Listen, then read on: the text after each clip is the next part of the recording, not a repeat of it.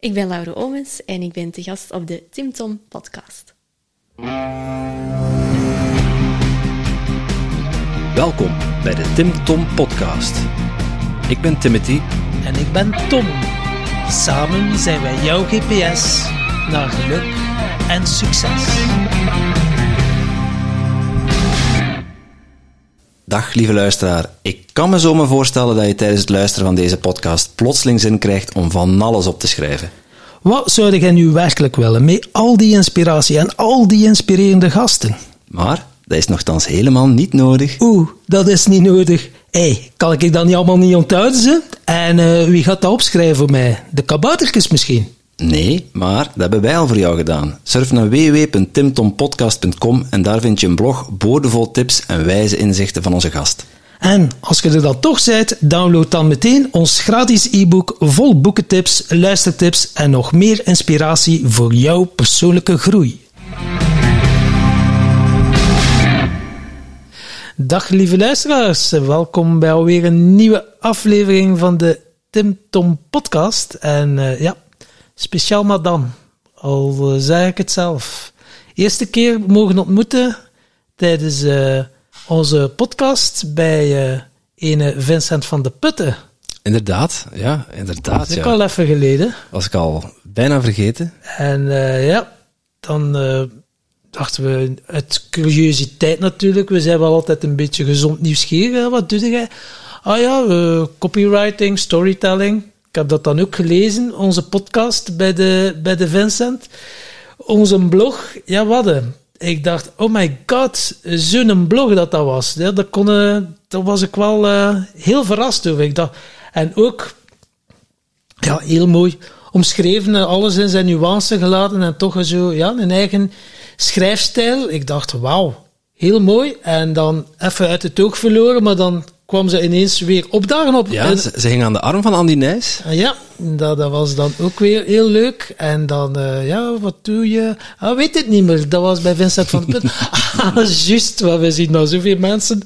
Juist, juist. En dan, ja, wij zijn ook momenteel bezig om ons verhaal mooi te kunnen brengen. We vertellen heel veel. En, uh, maar om het kernachtig te vertellen, daar kunnen we nog wel van leren. En dan begonnen we te denken van, ja, laten we een keer Laura, als we ze uitnodigen in onze podcast en we kunnen van een deal sluiten, dat zij ons verhaal op een mooie, authentieke manier, hoe dat we het willen brengen, uh, ons daarbij helpen. En zo geschieden. Ah ja, want wij zijn de dealers van de persoonlijke ontwikkelingen. Dus ja. als de deeltjes gesloten worden... Voilà. Uh, en zo geschieden. We hebben uh, deze ochtend al een hele mooie, productieve, inspirerende brainstorm gehad. En, uh, nu is mooie, verrassende dingen uitgekomen. Ja, ja, ja. En zij heeft vooral ook heel veel vragen gesteld. En nu is het onze tour, zie. Ja, terug in onze comfortzone. yes. Dag Laura. Hallo. Welkom bij ons in de podcast. Dank. Ja, we hebben je ook nog zien schitteren op het uh, podium bij Andy Nijs. Ja. Bij zijn uh, uh, Visionaire evenement ja, of personal branding. personal branding is wel iets wat jou goed afgaat. Absoluut, dat is een van mijn stokpaardjes. Ja, want jij mocht er een mooie keynote geven. Zij weet al een klein beetje yes. wat achtergrond over jou, maar ja, daar gaan we nog wel wat vragen over stellen. maar eerst de vraag van de vorige gast. Ja, onze... Daar starten we mee. Ja, het is zelfs van een BV, ze. Hou die vast aan de takken van de bomen. uh, Saartje, Saartje die was echt wel benieuwd, want uh, ze heeft er nood aan, denk ik. Of misschien ook helemaal niet, hoor. Maar wat denk je dat belangrijk is in een succesvolle liefdesrelatie? Oeh, mooie vraag. Diepe vraag. Um, ik denk heel open communiceren. Um, over de dingen die goed gaan, maar ook over de dingen die niet goed gaan. Um, irritaties bespreekbaar maken. Dat je dat zo niet blijft opkroppen, uh, maar dat direct met elkaar kunt, kunt delen. Zonder dat je daar direct een, waardeoordeel aan moet vastpakken. Of dat dat iets zegt over je relatie als er je iets irriteert. Um, ja, dat denk ik. Open communicatie. Open communicatie. En, en wat houdt dat in voor jou, open communicatie? Um, voor mij is dat echt kunnen uitspreken waar dat er binnenin je leeft, waar dat je mee zit. Um, en dat onomvloers kunnen zeggen, zonder dat je daar met te veel, eh, dat je dat op te veel kousenvoeten moet doen. Dat je dat gewoon kunt zeggen zoals dat is en dat die ander u daar ook niet scheef voor gaat bekijken of, of anders over u gaat denken omdat jij X denkt of Y zegt. Ja. Ik kan me voorstellen dat er nu heel veel mensen denken, ja, maar als ik altijd alles open en eerlijk ga delen met mijn liefdespartner, dan, uh, ja, dan is het continu slaande ruzie of uh, dynamische discussie, zoals uh, Carol zei. ja, goh. Ik ervaar dat zelf niet zo. Um, ik ben nu eens even aan het nadenken hoe dat, dat bij ons is. Het is niet dat je elke gedachte dat in je hoofd oppopt met de ander moet delen, maar als je vindt dat iets constructiever kan, dat iets beter kan, dat je allebei verder brengt als, als koppel, maar ook als individu, als individu, vind ik wel dat je die dingen moet kunnen zeggen. En als daar dynamische discussies hmm. over ontstaan, is dat niet per se slecht. En creëer, creëer je daar ruimte voor? Of is dat zo tussen de soep en de pataten, op, komt iets in je op en uh, te pas en te onpas ga je dat dan communiceren? Of heb je of check je eerst in, of zeg je van, oh, is er even tijd, want ik wil iets delen? Of, of uh, ik denk dat dat eerder impulsief wel is. Um, Ik ben ook iemand dat dat absoluut niet kan, kan binnenhouden. Je ziet dat oftewel heel hard aan mijn gezicht. Ik heb een heel expressief gezicht. Um, dus als er mij iets dwars zit, dan gaat je dat direct al, al zien. En anders begin ik daar een verhaal van te maken in mijn hoofd, als dat te lang blijft spelen. Dus dan weet ik ook, ik moet dat hier zo snel mogelijk uit mijn systeem hebben, maar wel met de intentie van hoe breng ik ons alle twee verder. Niet gewoon van zagen om te zagen of klagen om te klagen, maar wel constructief. Um, ja, dan... Dus als je wakker schiet om drie uur s'nachts en je zit met iets, is het zo, hey, hey. Uh... Ik, ik, slaap nogal vast, ik heb dat probleem niet, denk ik. Nee, dat is me eigenlijk nog nooit overkomen.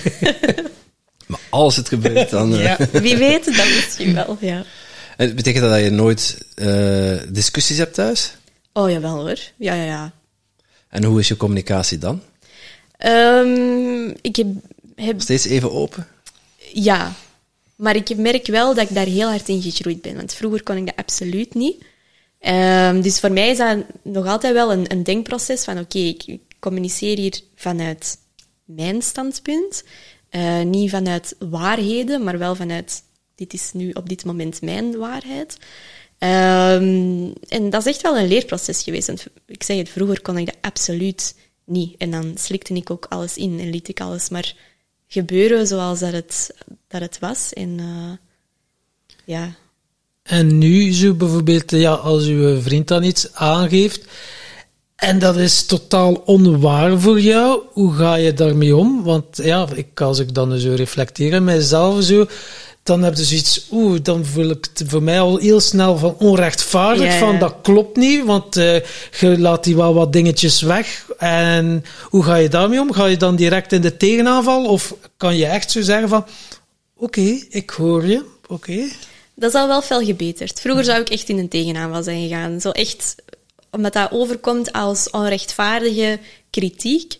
En daar had ik het heel moeilijk mee. Ik kan heel goed om met feedback, maar tegen kritiek, dat vind ik dan toch nog iets anders. Um, dus vroeger zou ik daar heel snel heel defensief in zijn geworden. Als ik nu over vermoeid ben of zo, heb ik dat ook nog wel dat ik dat kan mhm. hebben. Um, maar ik merk wel dat ik daar nu veel dichter bij mezelf kan blijven en ook gewoon kan zeggen van oké, okay, voor mij komt dit nu over alsof het niet klopt, maar leg mij uit hoe dat je het bedoelt, hoe dat jij het ziet, en dan kan ik er mijn allez, ding van maken of mijn mening over geven of hoe dat bij mij binnenkomt. Ik hoor je een paar keer zo teruggrijpen naar hoe dat je vroeger was en hoe dat je nu eigenlijk heel anders in de wedstrijd zit. Uh, wat is er in die tussentijd gebeurd dat je daar een, klik hebt gemaakt? Kun je ons eens meenemen? Ja, um, als ik zo terugblik um, op mijn jeugd en ook vroegere relaties, heb ik altijd het gevoel gehad dat ik nooit 100% mijzelf heb kunnen zijn. Um, ik hield mij altijd in, wat ik daarnet al zei. Um, ik wou altijd de lieve vrede bewaren. Ik wou dat mensen zo min mogelijk last van mij hadden. Um, ja, ik was echt het, uh, prototype van een muurbloempje, denk ik. Zo de, de picture perfect girl die dat alles op een rijtje had, waar dat je nooit iets op kon aanmerken. Dat. en dat is gewoon echt super, super vermoeiend. En ik heb toen echt op een breekpunt gezeten om het... Klinkt nog wel hard als ik het zo zelf zeg, maar dat was het op dat moment wel. Ehm, waardoor dat mijn ogen wel zijn opengegaan. Dat ik besefte van... mm, dit dient mij absoluut niet. Een breekpunt met, met jezelf? Of? Ja, dat was in een relatie waar ik toen in zat. En eh, die partner was heel narcistisch, maar ik wist op dat moment niet wat dat was. Ik kende dat woord niet, ik kende dat, die invulling niet. Ehm, en het was pas achteraf dat ik mij er meer ben in gaan verdiepen, dat ik besefte, oh, die checkt hier wel alle vakjes en meer af. Ehm, en het was toen, nadat ik door hem x aantal keer bedrogen ben geweest, dat ik besefte van, ik moet hier niet blijven. Dit is niet mijn plek. Ik is toxisch, ja. ja, dat is echt gewoon super toxisch. En dan ben ik daar uitgebroken, losgebroken, hoewel dat ik heel weinig mensen nog rond mij had op dat moment. Ja, je wordt afgekapt van vrijwel iedereen die dat dicht bij u staat. Ehm, dus op dat moment had ik enkel mijn ouders en mijn broer nog en één vriendin, min of meer. Voor de rest had ik met niemand geen contact meer. Ehm, dus dan ben omdat, ik... Omdat hij iedereen zo bespeeld had en Ja. tegen u had opgezet? Of Ja, omdat hij mij vooral had bespeeld. En mij jij had die andere toen- mensen hebt weggejaagd toen? Ja, omdat hij tegen mij zei van ja, die zijn allemaal niet te vertrouwen, die hebben slechte intenties, die hebben het niet goed met je voor. Zeker wat aan mannelijke vrienden betrof, dat was de grootste bedreiging ever. Ehm, en omdat hij mij zo, voor het eerst in mijn leven, zo had overladen met liefde en die adoratie. En je wordt helemaal meegenomen in die zijn ja, lovebombing, zoals het dan heet was ik zo bang om die kwijt te raken dat ik er alles aan deed om tegemoet te komen aan wat dat hij wou. Ehm, ten koste van mezelf. En ten koste van mijn relaties met mensen rondom mij. Dus ehm, ja, en dan komt er een bepaald moment dat je toch beseft, hmm, dit is het niet. Dit wil ik eigenlijk niet. Eh, ik ben veel meer waard dan, dan dit. En dan heb ik daar een punt achter weten te zetten. Ehm, ook mijn bijberoep gestart als, als copywriter. En dat heeft echt alles in, al, in een stroomversnelling Ja, want dan moet het toch ook wel in een angst zitten van hoe stapte eruit? We hadden een aan de vorige podcast hoe geraakte uit de klauwen van een narcist, want die gaan er ook alles aan doen om dat niet te laten gebeuren. Ja, en die absoluut. eh, met bedreigingen, noem het maar op. Eh, Was dat bij jou ook zo? Of was, dat, was die dan nog zoiets van, oké, ik gun het daar? Of, eh, Dat heeft even geduurd. Ehm, ook omdat hij op dat moment al in een andere relatie met iemand was gerold toen dat hem nog samen was met mij. Ehm, en hij dacht echt dat hij ja, mij een beetje aan, aan de leiband had hangen, waar dat hem op kon terugvallen wanneer dat hem het wou. Ehm, ja, die had ook een hoge functie bij de politie. Dus daar zit je ook al in een machtspositie waar dat je dan zelf schrik hebt van... Ja, wat, wat kan die mij hier allemaal flikken als ik, als ik Een wegga? goeieke, een flik. Ja, voilà. Van not intended, maar En eh, die, die zei dat ook effectief. van, Ja, ik ga ervoor zorgen dat je zoveel parkeerboetes en dergelijke krijgt, dat je, dat je hier weggaat uit dat appartement en dit en dat. Wauw. Ehm, bedreigingen, hè? Ja. Ja, ja, en op dat moment weet je ook niet wat is hier van waar. Wat kan, wat kan die effectief doen? Ehm, moet ik verdere actie ondernemen of niet? Maar ja, je zit al bij een, een machtsinstantie. Je weet niet hoe dat, die relaties binnen eh, het politiekorps zijn. Dus ik durfde dat ook gewoon niet te doen. Maar ik heb het geluk gehad, denk ik, dat zijn aandacht al op iemand anders gericht stond, waardoor dat ik toch iets makkelijker daaruit ben kunnen gaan.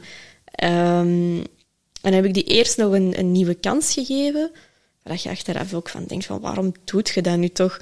Ehm, maar na dag één kreeg ik al berichten van andere vriendinnen van ja, die staat daar ehm, te kussen met iemand anders. Dat je denkt, ja, deze, deze heeft geen zin, hè. Ehm, ja, en dat hij, als je thuis kwam, dat hij, net zoals in de film, in het donker in de living zat en je doet de deur open en die knipt zo het lampje aan, dat je je gewoon doodverschiet dat hij dat die Oh daar zit. God. Ja, je kunt het zo zot niet bedenken of het, of het klinkt alsof dat uit een film komt, maar dat was op dat moment wel de realiteit. Freaky, ja. En ja, toch gewoon voor jezelf durven te kiezen op dat moment. Ook al ja, zij dus super bang dat dat, dat, dat je duur komt te staan. Ja, want je eigen waarde en je zelfvertrouwen zal dan wel onder nul zitten. Ja, op dat moment sowieso. Het is pas echt nadat ik het punt daarachter heb gezet en dat ik daar ook verhuisd ben en zo, dat ik voelde van, oké, ik ben nu elk restantje van mezelf dat er nog was, ben ik kwijtgeraakt. Het is nu tijd om mezelf terug te beginnen opbouwen en het anders te gaan doen. En ja, mezelf terug te zijn. Dus, En hoe lang is dat eh, geleden nu? Als je... Goh, dat was 2018, 2019, dus nog niet... eh nog Ja, niet drie, vier geleden. Ja, Ja. wauw. En dan, eh, oké, je neemt die stap en je zat dan nog in een loonjob en dan had je zo ook al iets in die richting copywriting of was dat... eh, Ehm, op dat moment was dat iets dat speelde. Ehm, ik wist altijd dat ik iets met schrijven wilde doen. Dat is ehm, ja, mijn passie, dat zit in mijn bloed. Eh, je kunt daar niet onderuit. Zo, ik heb dat toen tijdens de keynote ook verteld. Hè, dat in de vriendenboekjes van, van vroeger stond er een vraag: wat wilt je later worden? Bij mij stond daar altijd schrijfster. Altijd. Dus ik wist, ik ga daar iets mee, mee doen. Eh, het heeft me dan wel nog wat omwegen gekost, maar zo nog altijd wel door een talenrichting. Ik ben conferentietolk van opleiding voor Engels en Russisch. Russisch? Ja. Dus het heeft mij uiteindelijk wel ehm, naar dat pad van, van schrijven gebracht. Bijzondere keuze, ja. ja. Ja. Ja, ja, dat is geen evidente keuze. Je hebt, geen, je hebt geen Russische achtergrond. hè? Nee, ik heb geen Russische We, we- hebben al nee. kort gesproken Ja. op, eh, op het event van uh, Andy Nijs ook. Ja. Eh, vond dat wel een opmerkelijke, opmerkelijke keuze, ja, dat Russisch. Maar ja, toen al zat er iets in met taal eh, Ja. dat, je, dat je graag Ja. wilde ontdekken. Maar dan toch geen schrijver geworden, maar in een loonjob begonnen. Ja, ehm, vooral door het Russisch eigenlijk. Ehm, ik kon oftewel twee richtingen uit. Ik kon eh, gaan tolken bij de Europese instellingen, maar Russisch is geen officiële Europese taal. Dat wordt in de Europese Commissie en zo niet, niet gebruikt. Dus dan moest ik, als ik dat wou, moest ik nog een andere taal bijstuderen. Maar ik had al vijf jaar studies achter de rug, master, postgraduaat. Ik dacht, pff, nee, ik heb er echt geen goesting in om dat nog te doen. Allee, hè. Ja. Allee, ja. En, ehm, er zijn mensen die heel graag studeren, maar ja, nee, voor mij was het echt wel... allee, was tijd om iets anders te gaan doen. En dan kon ik oftewel bij de politie gaan tolken, bij de rechtbank gaan tolken, maar dan moest je ook nog een extra opleiding doen. Plus, daar word je super slecht betaald. Je moet daar heel lang wachten om uitbetaald te worden. Zag ik mezelf dan ook niet doen. En als je dan als sociaal tolk aan de slag zou gaan, kom je terecht bij OCMW's, ehm, ziekenhuizen. Die betalen goed, hè.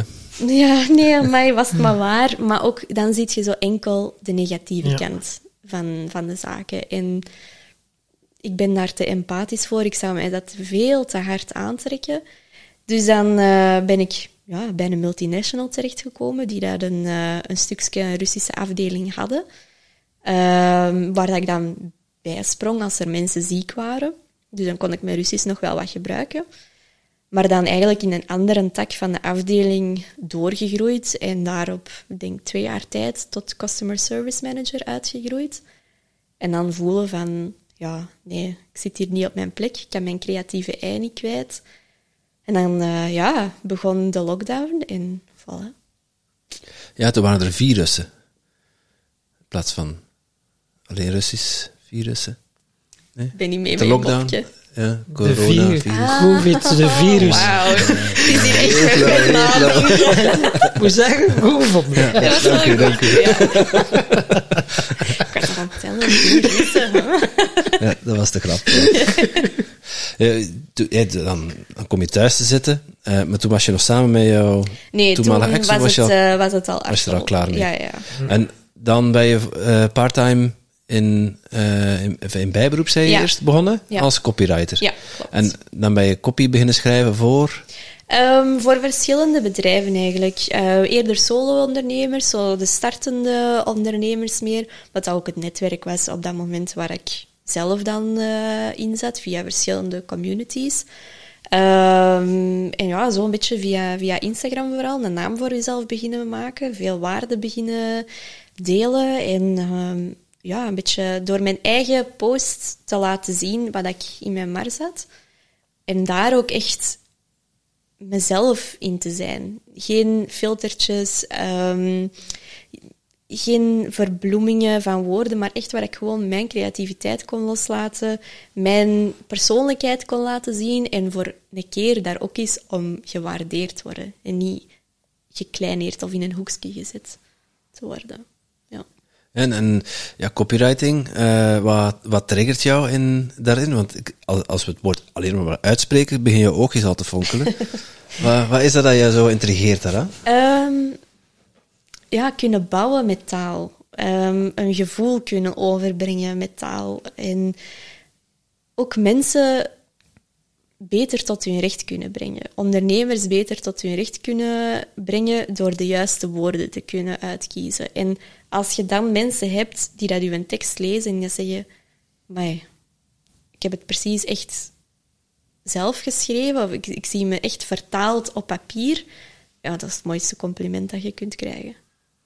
Ja, want wat is, maakt iemand een goede copywriter? Is gewoon dat mensen, als ze het lezen, dat er iets wordt geraakt op een manier dat het echt wel emoties opwekt. Ja, absoluut. En, en die emotie, dat is, dat is ten eerste een belangrijke factor.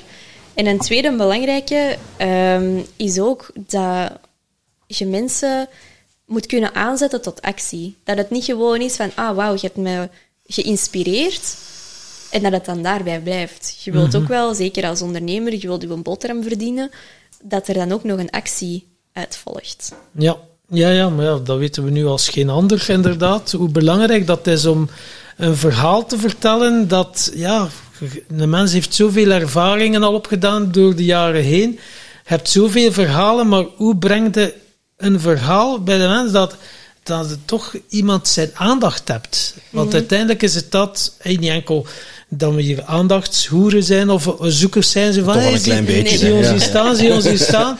Maar dat we ook wel daadwerkelijk zoiets hebben van, we willen de mensen in, inspireren, maar door je eigen levensverhaal. Uh, Omdat jij al een bepaald pad hebt bewandeld en dat je zoiets hebt van, ja, weet je, mensen, als je daar tegenaan je hoeft er niet zo diep in te gaan zoals wij hebben ervaren of hebben meegemaakt uiteindelijk. Ja. En je bent ook nooit alleen met je verhalen.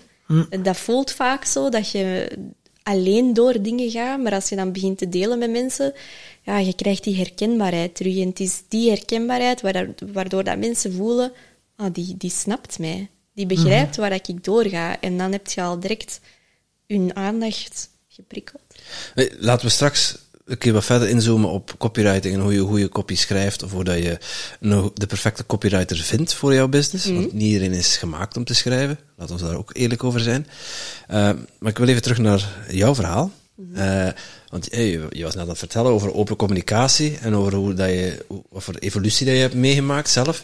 Ja, ik kan mij niet vertellen dat je alleen met copywriting zo'n uh, nee, zo'n sprong gaat gemaakt nee, hebben. Nee, nee, Ik heb uh, ook echt wel verschillende coachings gevolgd, mensen ingeschakeld die daar naar mijn gevoel stonden op een plek waar dat ik ook wou geraken en die dat mij ook inspireerden met hun verhaal. Um, dus ja, ik ben wel iemand die dat heel snel dan voor mijn onderneming toch hulp, en voor mezelf als persoon ook, hulp ga inschakelen op vlakken waarvan ik weet, daar heb ik nog te groeien, daar heb ik te leren. Ik, ik zal niet snel alleen op mijn eigen eilandje blijven zitten. Ik wil vooruit en dat kan ik niet alleen. Dan moet je toch ook wel eh, radicaal eerlijk zijn naar jezelf toe. Van oké, waar kan je nog in groeien? En nu heb je dat aangepakt. Wat ja, voor sommige mensen is dat toch wel, wel toch wel wat lastig, hè? Om zoiets te zeggen van, daar ben ik niet goed in of zo. Dat, dat, dat zo, toch een, een gevoel van eigenwaarde. Zo van, oei, ah ja, precies dat we dat niet mogen uh, toegeven of zeggen van, daar zijn we niet goed in of zo. Ja, dat is zo wat typisch Vlaams. Zo van, oei, maar niet zeggen, maar niet te veel blootgeven of niet te kwetsbaar opstellen. Goh, dan denk je dat ik atypisch Vlaams ben, want dat heb ik niet. Ik kan dat heel makkelijk zeggen van daar ben ik niet goed in, of ja, daar heb ik nog groeimarge. Um, maar ik geloof wel dat je heel veel dingen kunt leren. En dat blijven leren heel je leven lang, was iets dat mijn opa ook vaak zei.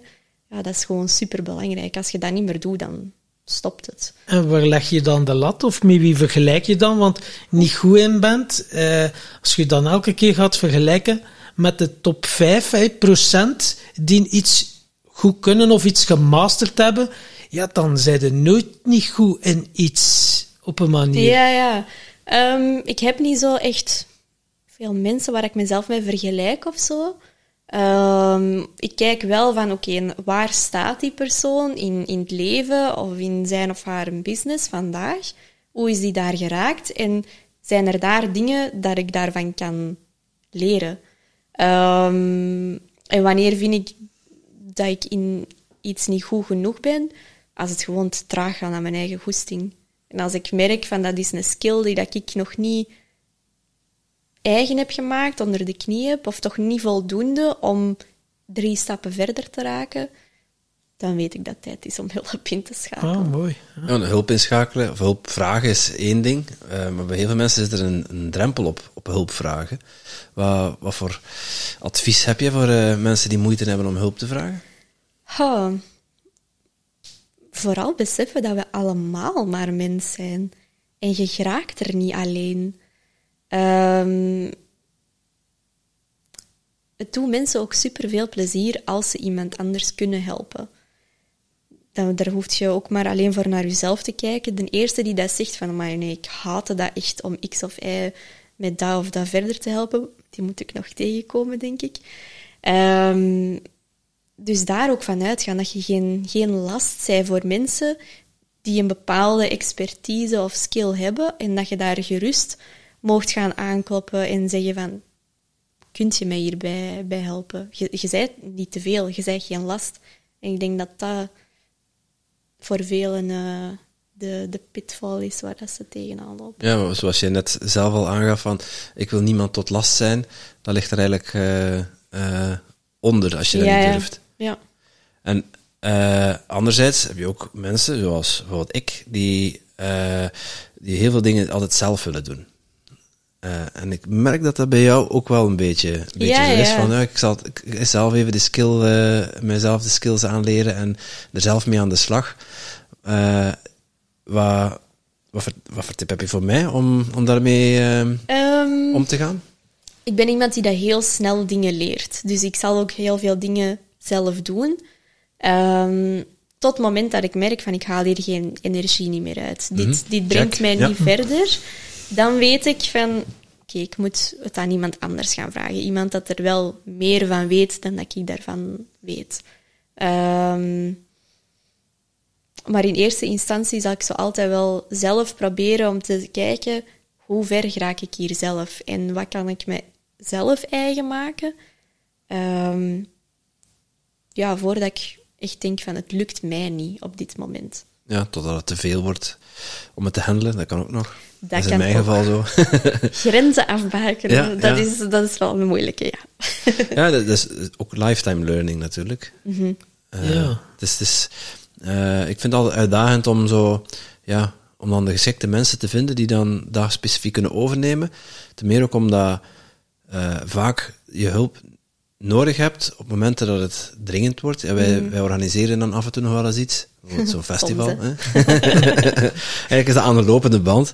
En uh, de, de, het patroon wat daar dan in zit, iedere keer is dat, oké, okay, de nood is er om, om iemand in te schakelen voor, voor iets. En uh, die komt dan binnen op het moment dat er heel veel druk op ligt. En dan moeten we gaan uitdragen en dan denk je, ja, maar tegen de tijd dat ik het uitgerecht heb, heb ik het zelf al gedaan. Alleen dat Ja, is natuurlijk geen oplossing. Hè. Ja, wat dat daar wel kan helpen, is al terugkerende dingen dat je vaak doet, om daar gewoon jezelf voor te filmen of een, filmpje in te spreken, dat je eigenlijk al een stukje een gedocumenteerd proces hebt, waar dat het al makkelijker maakt om dat aan iemand door te geven. En ja, ook op een bepaald moment beseffen dat je het niet meer last minute moet vragen, maar eerder uh, in, de, in de pipeline dan, uh, dan wanneer het eigenlijk al te laat is, om het zo te zeggen. Ja, zoals we eigenlijk nu... Ja, we hebben inges- nu zit er, er zit geen druk op. Nee, er we zit hebben jou gevraagd druk op, om mee te helpen aan ons verhaal. En uh, ja, dat voelt, dat voelt wel fijn ook. Om vanuit die mindset ook een keer iets te creëren. Mm -hmm. ja, in plaats Ja. van onder Ik ben benieuwd. Druk en, hoe zei dat? Stoom en kokend water. Ja, ja, want dat, dat zijn ook de momenten waarop dat je dan goh, fouten begint te maken of genoegen gaat nemen met dingen die dat toch niet helemaal 100% zijn wat dat je wilt. En dat creëert vrevel op den duur. Dat, dat kun je maar zo lang blijven doen uh, totdat dat is ontploft. En e-, even terug naar jouw verhaal. Uh, je had het uh, dan over, over hulp inschakelen. Mhm. wat heb jij voor hulpbronnen aangeboord om ja, aan, je, aan je mindset te werken? Um, ja, verschillende business coaches, verschillende mindset coaches. Ik um, ben echt wel eerst met die mindset uh, begonnen. En dan van daaruit meer naar de business coaching kant uh, opgetrokken. Maar altijd wel bij coaches die dat ook dat stuk mindset wel meenamen. Die dat niet alleen uh, keken naar de uitwerking of de strategie van iets uh, en waar dat je met mindset niet moest komen aanzetten omdat dat te, te fluffy of te vaag was. Dus altijd wel mensen die dat het, het totaalpakketje vraag me wel af welke coaches dat mindset al te fluffy en te vaag vinden, maar... Uh, Goh, um, heeft geen naam te noemen. Nee, ik kan er ook zo niet direct de naam opplakken, maar er zijn er zo wel wat die dat... Zo de, de hard results in... Ja, nee, dat gaat voor mij dan ook niet. hoe vind jij je coaches die bij jou passen? Want ja, je hebt natuurlijk uh, een enorme keuze aan coaches. Het is echt wel, ja... Mm. Het, uh, je kunt er de straatstenen mee leggen, uh, met manier van spreken. Hoe vind jij de coach dat bij jou past? Ga je dan gaan kijken op Instagram op, of op een website of zo? Um, ja, vooral via social media wel. Uh, de mensen die daar nu al wat in mijn netwerk zitten, in zo'n tweede graads netwerk, dat ik dan begin te volgen en ga kijken van, spreekt die boodschap mij aan? Spreekt die gedachtegang van die persoon mij aan? De ideeën, de visie, um, hoe dat hij of zij uh, het leven in, in business leidt. En dan ga ik daar mee in gesprek en zie ik van oké, okay, matcht dat, matcht dat niet? Heb ik mij daar al aan mispakt? Ja, maar daar leerde dan ook weer uit. Uh, dan weten we ook van oké, dat wil ik zelf niet. Dus... En wat is dat dan? Je hebt al voor ogen van oké, ik wil met een business coach aan de slag en ik wil dat eruit halen? Of ja, dat is dan met die vraag dat er komt, omdat je nog niet goed weet waar dat je naartoe wilt. Voilà, omdat je het zelf nog niet zo goed ziet en dan dat je aan hen ook advies vraagt van hoe, hoe zie jij het? En dan dat je dan wel heel trouw aan jezelf moet blijven van past dat bij mij wat dat jij voor mij ziet of past dat niet bij mij? En kunnen we daar uh, een, een middenweg in vinden die dat wel bij mij past of niet? Um, maar ja, soms verlies je ook in, in een idee waarvan dat je denkt dat het wel bij je past. Om dan achteraf te beseffen van, oh, misschien was het dit toch niet. En dat is ook oké. Okay. Daar je conclusies uit trekken en uh, ja, die transactie stoppen. Hè.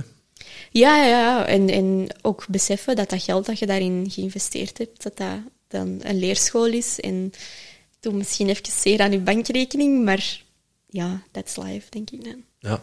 Ja, dat hoort er ook bij. Ja, voilà. En daar zit dan ook weer een mooie les in. En dan, uh, ik, ik wil jou zeggen van, voelen of dat er een klik is. Hoe voel jij wanneer er een, een klik is? Um, goh, dat is een goede vraag. Dat is zo je buikgevoel dat opspeelt dan. Um, ik heb al geleerd dat als mijn hoofd te veel in de picture komt, dat dat meestal een nee is. Dat, ik het zo wat ja, dat je zo al begint te overdenken van ja, ja, maar dit, dat. Hoe meer argumenten dat je hoofd eraan ja, bijhalen is om het wel te doen, van, hoe harder jij nee voelt. Ja, uh, maar je, je buikgevoel, echt dat je ja, enthousiast wordt door die persoon, dat je, dat je jezelf ook... Ja, hoe moet ik het uitleggen? Dat je, jezelf ook al direct tien stappen verder ziet staan. Maar wel, allee, niet met, door gouden bergen te beloven of zo. Dat, dat pakt bij mij niet. Um, ja, dat, dat buikgevoel. Ik kan het eigenlijk niet beter uitleggen dan, dan dat. Dat is zo... Oftewel krijg je zo aan een knoop in je maag, oftewel zijn het zo de, de vlindertjes dat je zegt, ja, dit is het. Ja, wat kan mij ook wel inbeelden. Hè. Je maakt dan die keuze, hè, die, die, toxische relatie. Hè. Je vertaalde, je staat dan zo goed als alleen. Hè. Enkel nog een vriendin, uw broer en uw ouders. Ja, hoe ga je dan terug uw vriendenkring gaan opbouwen? Want dat is dan toch wel spannend. Hè? Mensen die je dan hebt eh, afgewezen, of zo, ga je dan zo met hangende pootjes zo van, sorry, ik was verkeerd, ik heb mij een beetje laten beïnvloeden, of een beetje veel laten beïnvloeden Ja. door, mijn, eh, door mijn partner? Was het op die manier? Of, eh, Nee, eigenlijk niet. Omdat ik ehm, met die vriendengroep van toen eigenlijk al weinig connectie niet meer, niet meer had. Dat was vooral zo voor in het weekend uit te gaan samen, zo de, de feestvrienden. Hè. Ja. Ehm, en daardoor is echt... Ja, MDMA-maatjes. Ja, nee, dat heb jij gezegd, dat heb ik niet gezegd. Ehm, nee, nee. De- vooral door het ondernemerschap, dat je zo andere gelijkgestemde mensen leert kennen en dat je daar ja, een nieuwe vriendenkring begint Ja. op te bouwen. En dat vraagt ook wel wat, wat vertrouwen en wat, wat durf, want ja, je weet nooit niet of er zo toch eens eh, een rotte appel tussen steekt, maar tot nu toe, houd vasthouden, ehm, nee, mag je daar echt niet... eh, Klopt inderdaad, want ja, als je zo in- ineens alleen staat, als- ik had dan ook de keuze gemaakt, stoppen met alcohol. En dan staat het daar, hè. Wow. En je wilt nieuwe mensen rondom u, maar dat is spannend. Je weet niet goed hoe en wat. Het is veel makkelijker om zo terug naar die oude vrienden, omdat dat hè. comfort, Ja, ja, comfortzone. En dan moet je echt uit die comfortzone nieuwe vriendschappen of dat, maar je kunt het ook niet forceren. Van, Nee, nee, nee. Hey, hey, wilde mijn vriendje zijn? Of, allee, ja, het is nu wel heel eh, simpel uitgelegd, maar dan merkte ook door dan dingen te los te laten, effectief los, dat er dan weer plaats en ruimte vrijkomt voor nieuwe vriendschappen Ja, en nieuwe connecties. En als ik er nu op terugkijk, dan is dat ook heel organisch gebeurd. En hoe is dat voor jou? Ja. Dat is ook heel organisch gelopen. Ook door, door met mensen te beginnen samenwerken en zo. En dat die partnerships dan ook echt gewoon uitgroeien tot supermooie vriendschappen. Ehm, die persoon waar ik mee naar Portugal vertrek, ja, dat is nu een van mijn beste vriendinnen. En we hebben elkaar ook door het ondernemerschap gewoon leren, leren kennen. En zonder dat daar een druk op lag of zo. Ik heb mij ook nooit niet echt, ondanks dat ik misschien alleen was tussen aanhalingstekens, heb ik mij ook nooit echt eenzaam gevoeld. En ik denk dat dat wel een belangrijke is in hoe dat je die nieuwe vriendschappen benadert. Ik kan me voorstellen, als, u, als dat je je echt eenzaam voelt, dat die een druk daarop wel veel groter is dan dat je oké bent met wie dat je zei en hoe dat het is. En alles wat dat er ontstaat, is mooi meegenomen. Ja, want ik denk, ja, voor waar dat jij komt, hè, weinig of geen eigenwaarde meer, om dan naar buiten te komen, ja, oef, dat is, Voor mij hè. was schrijven echt een uitweg. Echt ehm, mijn, mijn gevoel kunnen delen en dan uw, uw eigen bedrijf beginnen opstarten. En alle dingen die ik daar heb gepost, dat was voor mij echt ja, my window to the world. Hè. Ja, Dat, eh, En je komt aan je eigen kwijt eigenlijk, hè. Je emoties, je creativiteit. Ja, ja absoluut. Ja. En dan, ja, je postte dat dan online op, op social media. Ja. En ja, de reacties die je dan op krijgt, als dat dan resoneert bij mensen, dat doet ook je eigen waarde stijgen, denk ik. Ja, en het is niet dat ik daar een, een pity party heb afgestoken. Hè. Het is niet dat je allee, likes wilt scoren puur door zo een, een, een triestig verhaal te, te schrijven en zo. Helemaal niet. Maar dat je... Ja, dat ik vooral in die creativiteit eigenlijk mijn, mijn stuk kwijt kon. En zien dat mensen reageerden op die creativiteit. Niet per se alleen met mijn verhaal, met mijn backstory, maar wel op die creativiteit en hoe dat ik taal kon inzetten om mijn punt duidelijk te maken en, en mensen te inspireren. En dat je merkt dat mensen daarop aangaan, ja, dat, doe, dat heeft voor mij heel veel gedaan voor mijn eigen waarde. Ja, wat mij wel opvalt, eh, en jij, je hebt dan op social media jouw verhaal gedeeld, maar je bent wel een uitzondering. Eh, als ik, tenminste, ik, ik, ik kijk niet meer zo vaak op social media, omdat ik er een beetje moe van word en het kost me heel veel energie. Maar als ik kijk wat er daarop gedeeld wordt, dan zijn dat, ja, dat zijn dat vooral de, de geitjes en de leeuwen. Eh, De geitjes die allemaal mekkeren over hun miserie. En de leeuwen die zeggen, oh, ik ben onoverwinnelijk en eh, kijk naar mij, de show-offs met een per- picture perfect. En ja, ik word daar, ik word daar gewoon moe van. Dat ik dat altijd moet, moet consumeren tussen haakjes. Alleen niet tussen haakjes. Zonder haakjes. Dan, ja, dat is echt, dat is echt vermoeiend. En dat is, dat is dan weer tegenstrijdig met een beter zelfbeeld ervan krijgen. Ja, ja. Maar hoe, hoe zoek je dan de, de scheidslijn tussen, ja, hoe noemde je dat, pity, Ja, de pity party. pity parties eh, houden en eh, echt en authentiek schrijven? Ehm, voor mij speelt de intentie daar een belangrijke rol. Ik deel mijn verhaal niet om medelijden bij u te scoren of likes bij u te scoren, maar wel omdat ik geloof dat mijn verhaal delen helend kan zijn voor iemand anders. Iemand dat misschien nog wel in die situatie zit en die dat zich daarin herkent en denkt, oh, ben mij hier ook super hard aan het, aan het inhouden en aan het wegcijferen. Of eh, een ondernemer die dat merkt, goh, die durft dat wel te zeggen. En dat komt niet onprofessioneel over als die zich kwetsbaar opstelt. Ik ga ook meer mijn eigen ding beginnen doen en mijn eigen stem durven gebruiken in, in wat ik communiceer.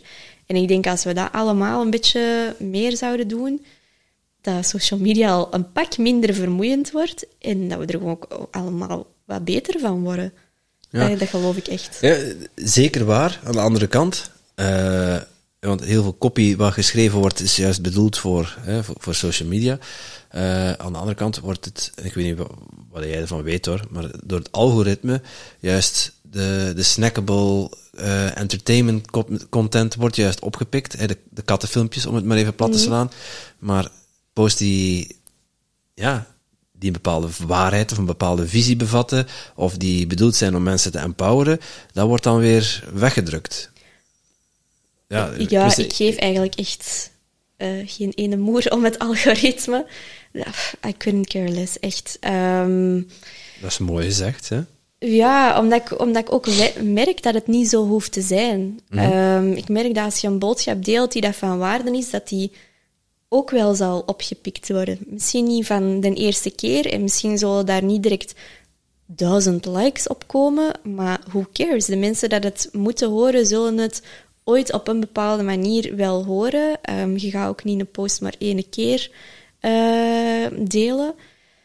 Dus ja, mijn advies daarin zou zijn, licht alsjeblieft niet wakker van het algoritme, want wie weet überhaupt nog hoe dat het in elkaar zit. En je ziet overal elke week wel een update verschijnen van, goh, nu moet je dit doen en nu moet je dat doen. Nee, blijf gewoon trouw aan wie dat je zijt en aan wat dat jij de wereld in wilt sturen en de, de mensen dat jij wilt bereiken. Dat is eigenlijk het enige waar dat je U zorgen om het maken. ja, zelfs geen zorgen om moet maken, Druk- maar mee bezig druk- moet. Ja, mee bezig moet Ja. zijn. Ja, dat is mooier gezegd, ja. ja. Ja, ja fuck het algoritme. fuck het algoritme, absoluut. Een mooie titel voor deze podcast, toch?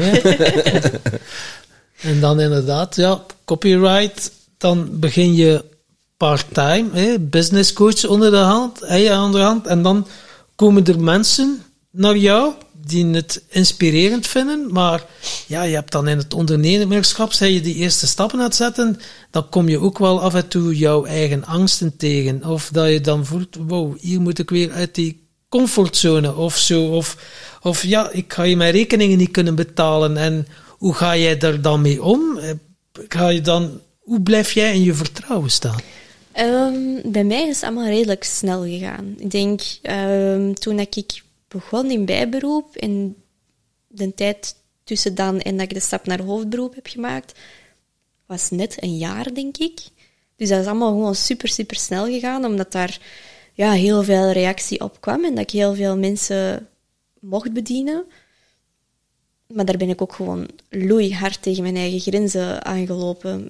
Niet snel nadat ik in hoofdberoep gestart was, dat ik voelde van oei, er komt hier wel heel veel op mijn bord. En ik krijg dat echt niet allemaal bolgewerkt. Ook zo dat, dat pleasend gedrag, hè, dat daar dan nog wel altijd een beetje onder zat, nog steeds. Dat je, je ziet het potentieel in mensen en je wilt die heel graag verder helpen en je wilt daar niet graag nee tegen zeggen. En dan ja, botste op je eigen grens op de duur. En we hebben dan mogen leren om toch nee te zeggen. Hoe ga je er nu?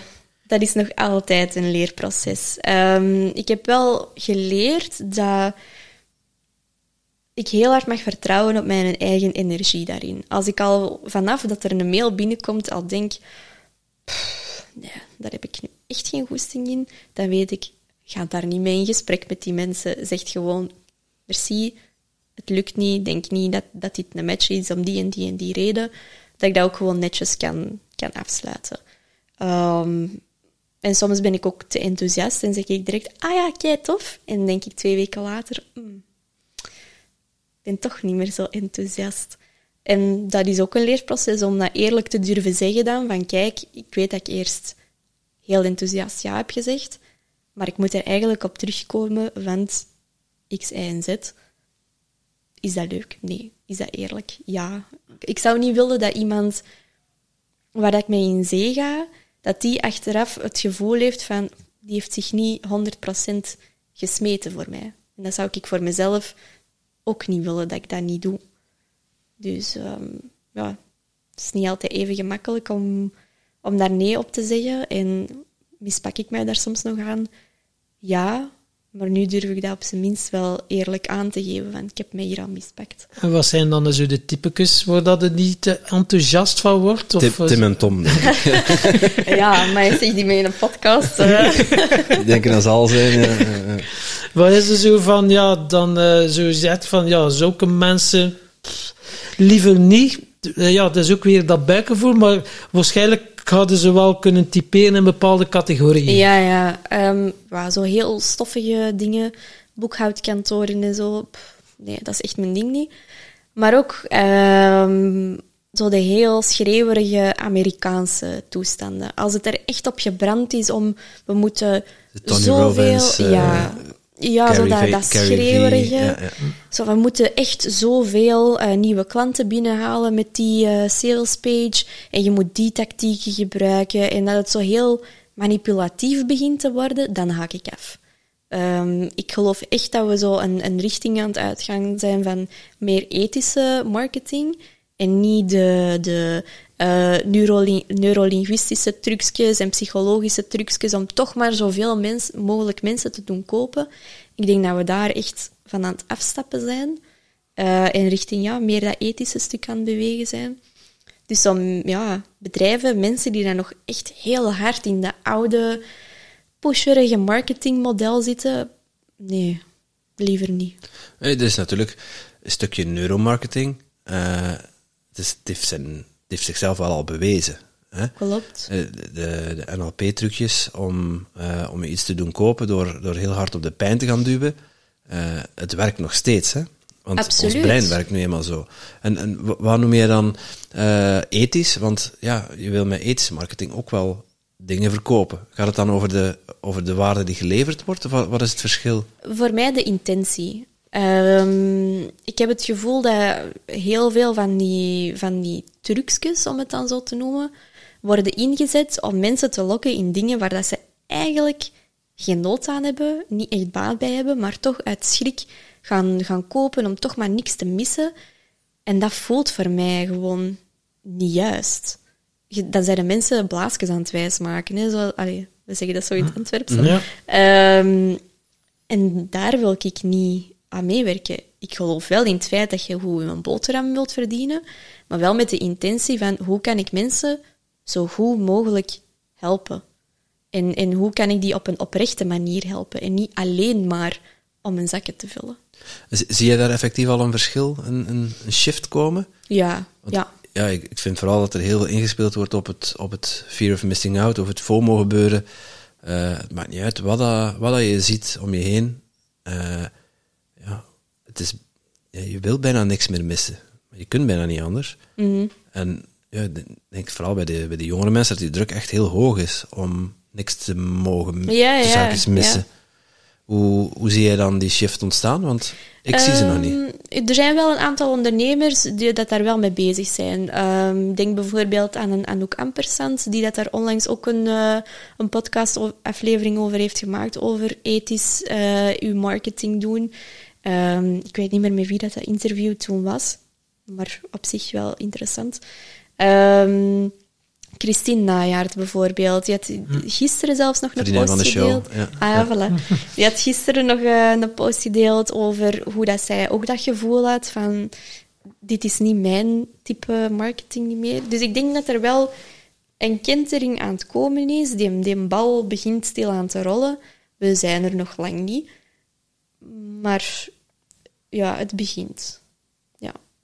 Ja, eh, wij, wij spreken met iets meer bewustere ondernemers, dus wij zien, die, eh, Ja. wij, wij zien dat ook wel. Hè. We hebben een, een Andy bijvoorbeeld, die eh, brengt zijn boodschap op een bepaalde manier in, in de wereld. Ja, dus de, de lijst is eindeloos bij ons. Met, met, mooie, met mooie zielen die, die een boodschap op een goede manier brengen. Ja, Eh, toevallig hè, zijn dat degenen die waar jij voor gewerkt hebt. Sommige wel, ja. Eh, Vincent van de Putten bijvoorbeeld, eh, die doet ook op een hele leuke manier. En ja, dat, dat is ja, in, die zin, in die zin wel een, wel een kentering. Aan de andere kant zie je ook wel heel veel, ja, nog steeds veel rommel ontstaan. Absoluut. En hoe kunnen we daar onze, onze weg tussen vinden? Ook opnieuw echt luisteren naar je buikgevoel. Ik denk als je al die schreeuwerige dingen ziet voorbij komen, dat je eigenlijk diep in de fond wel weet, dit is niks voor mij. Dus dat vraagt ook ja, een beetje die nanoseconde stilstaan en, en bewust zijn van, wat ben ik hier aan het lezen? Wil ik dit echt? Of wil ik dit omdat het er zo geschreven staat en ik het gevoel heb dat ik er niet omheen kan?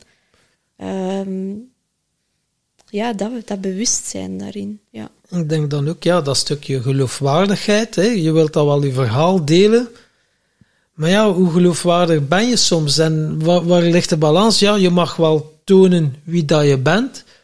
Maar ja, het- hoe zorg je voor het evenwicht dat het ook geen one-man show is? Zie een Ja, keer wat ja. dat ik allemaal heb gedaan. Dat, al uw trofeeën, dat, dat, dat. Maar mensen hebben er geen nood aan. En dan zeggen ze al, ja, jij biedt de oplossing voor hun probleem of zo. Ja, dus ja. om daar allemaal balans in te vinden, ja, dat is ook waar dan denk ik heel veel ondernemers nu tegenaan Ja, lopen. absoluut. Die het echt wel te goed voor hebben met de mens, maar die het niet op de manier, nou ja, waar dan we onszelf ook bij rekenen, toch nog niet op de manier naar buiten kunnen brengen, waardoor dan mensen, ja, op een manier jou weten te vinden, omdat je zelf nog worstelt met wat doen we precies, eh, hoe brengen we onze boodschap naar, naar, naar buiten. En we zijn nu bijna vier jaar bezig en we zijn ook niet te beroerd om dat toe te geven. We, hebben We kunnen er niks we- van. We de, zijn niets nuttig. de intentie is er wel om mensen te gaan inspireren en, en mensen dichter bij hunzelf en bij elkaar brengen, maar moet ook wel bereidheid zijn. Zij moeten wel de eerste stap zetten. Wij kunnen echt wel een spiegel zijn en inspireren en samen met hen dat pad gaan bewandelen. Maar toch op een of andere manier stroomt het nog niet. Lijkt dat het moet zijn, want anders ga je geen financiële kater hebben aan een festival, want dan gaat het toch tenminste een break-even zijn, om maar iets te noemen. Dan zit het er wel met je goede intentie, maar dat kan je ook niet blijven doen. Enkel met goede intentie, als het niet in evenwicht is. Ja, ehm, er zitten verschillende dingen in. Hè. Ik denk langs de ene kant wel vasthouden aan die, aan die goede intentie, hè, waarom dat je doet wat dat je doet. Ehm, en ook de balans weten te houden tussen ehm, hoeveel waarde deel ik aan mensen, waar dat ze echt iets aan hebben en dat ze voelen, oké, ik ben hier bij u aan het juiste adres, afgewisseld met uw persoonlijk verhaal dat voor herkenbaarheid zorgt. Ehm, als ik spreek over persoonlijk verhaal, hoor ik vaak van andere ondernemers van, goh, moet ik dan heel mijn leven ten grabbel gooien? Nee, dat is het niet. Jij kiest zelf allee, in hoeverre dat je er comfortabel mee bent met dingen te delen. Maar soms moeten we wel even uit die comfortzone gaan om dingen te delen waar de anderen net de meeste boodschap aan hebben. Ehm, we hebben geluk, we zijn met tweeën, kan Tom zijn leven te grabbel gooien. ja, voilà. En ook daar je in het achterhoofd houden, wat is de meerwaarde van het feit dat ik dit deel? Eh, eh, is, het, is het voor die herkenbaarheid? Ik zou bijvoorbeeld nooit aanmoedigen om ehm, een post te delen over hoe dat je op je zestiende zat op een bar stond te dansen, als dat voor de rest van je verhaal geen rol speelt. Ehm, stel dat je inderdaad iemand zei die dat geworsteld heeft met, met verslavingsproblematieken en jij wilt dat moment aanhalen omdat dat voor u het kantelmoment is geweest, then it makes sense. Maar niet gewoon ja, verhaaltjes strooien om verhaaltjes te strooien en om dan ja, de, de likes op te... Het moet eigenlijk ja, een rode draad zijn. Het moet inderdaad, het Ja. moet uw verhaal... Het is, eh, uw, het is uw haakje om de rest van uw, van uw visie, van uw missie, wat dat jij wilt doen in de wereld, aan op te hangen. En hoe, hoe bouw je dat dan goed op? Als mensen hier naar luisteren en eh, ze zijn solopreneur en ze doen alles zelf. En eh, kun, je hun, kun je hun wat handvatten geven over hoe dan ze dat, eh, hun eigen verhaal goed opbouwen? Ehm, ja, dat is voor ieder wel een beetje anders natuurlijk. Maar... We hebben tijd, ja. ja. Ehm, eerst en vooral, zat, waar... wel, ja, zat wel een rode draad te zitten. Ja, ja, ja. Waar wilde naartoe? Wat is echt de bedoeling met wat dat je aan het doen bent? Ehm, stel, je bent eh, een financieel coach. Waarom doet jij wat dat je doet? En dat je dan eens voor jezelf gaat terugtraceren. Wat zijn alle stappen dat ik hiervoor heb gezet die dat tot dit moment hebben geleid? Ehm, dat is een belangrijke om mee te nemen. En ook uw, uw kernwaarden, waar we- de oefening die wij er straks ook hebben gedaan. En uw persoonlijkheid. Wie zeg jij echt? Ehm, zonder wat de maatschappij van u verwacht. Wie, wie zeg jij echt en hoe vertaalt dat zich naar uw dagelijks leven? Als je zegt van ehm, eerlijkheid is een heel belangrijke voor mij. Oké, is goed. Maar bewijs dat dan. Waaruit blijkt dat? Op welke momenten zijn je eerlijk? En ook op welke momenten zijn je misschien niet eerlijk? Eh, dus dat zijn zo... Ja, de, de waarom is een heel belangrijke. Uw, uw kernwaarden en uw karakter zijn een heel belangrijke. Ehm, ja, en om, uw, om uw verhaal echt te gaan opbouwen, dan zit je al echt meer in de storytelling technieken. Daar kunnen we echt nog vier uur over babbelen. Ja, dan heb je Die- dus zogezegd de hero die uh, voilà. En daar komt het vaak op neer. journey, ja. Als je een sprookje eh, neemt, zie je dat heel snel terugkomen, die spanningsboog dat je opbouwt. Er je was hebt, eens, eh, ja. ja, er was En eens. toen... Je hebt Sneeuwwitje, eh, ehm, die dat door haar stiefmoeder verstoten wordt en achterna nagezeten wordt door een jager. Je voelt die spanning al stijgen. Eh, ze komt dan bij de zeven dwergen terecht en eh, op het hoogtepunt wordt ze vergiftigd met een appel. Ehm, uiteindelijk kust de prins haar wakker en je merkt dat je zo een halve cirkel hebt afgelegd. Dat je de eerste spanning eh, aan het stijgen was, je hebt je climax en dan gaat het eigenlijk terug naar beneden en resolution, everything is well in the world. En dat is op zich hoe dat je een standaard verhaal kunt opbouwen. Maar ik zeg het al, dat is standaard. We've all seen it before. Dus wat dat je kunt doen, is bijvoorbeeld echt in het midden van je verhaal beginnen. Op de climax. Dat je mensen hun aandacht al direct vat van... Wow. Eh, Waar komen die dwergen vandaan? ja. Wat is dat met die appel? en waarom is die dood? Zo, het- dat je begint met het shock-effect eerst, om die aandacht vast te pakken, en dan kun je de rest van je puzzel beginnen leggen. Oké, Dat is een tip, storytelling tip, dat ik ja, leuk. kan geven. Leuke insteek ook om, ja, niet zo het voorgekoude pad, zeg maar. Je kunt er wel wat bij pakken om hè, gaande, de, gaande je verhaal wat achtergrond over te geven.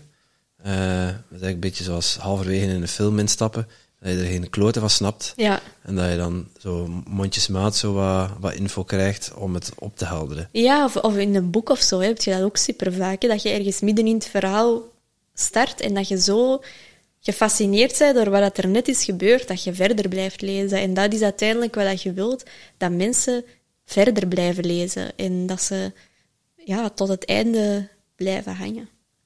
Ja, copywriting, wat voor, wat voor copy schrijf je dan specifiek? Verschillende soorten. Ehm, zowel voor social media als voor e-mail marketing, als voor website teksten. Ehm, en dus ook af en toe blogs, maar bijvoorbeeld eh, voor Blovi ook eh, interviews dat ik afneem met ondernemers en uitschrijf. Dus dat varieert heel hard, ehm, omdat ik die variatie ook echt wel nodig heb. Laat mij geen 365 dagen alleen maar social copy schrijven, want dan kunnen me echt wegsteken, denk ik. Ja.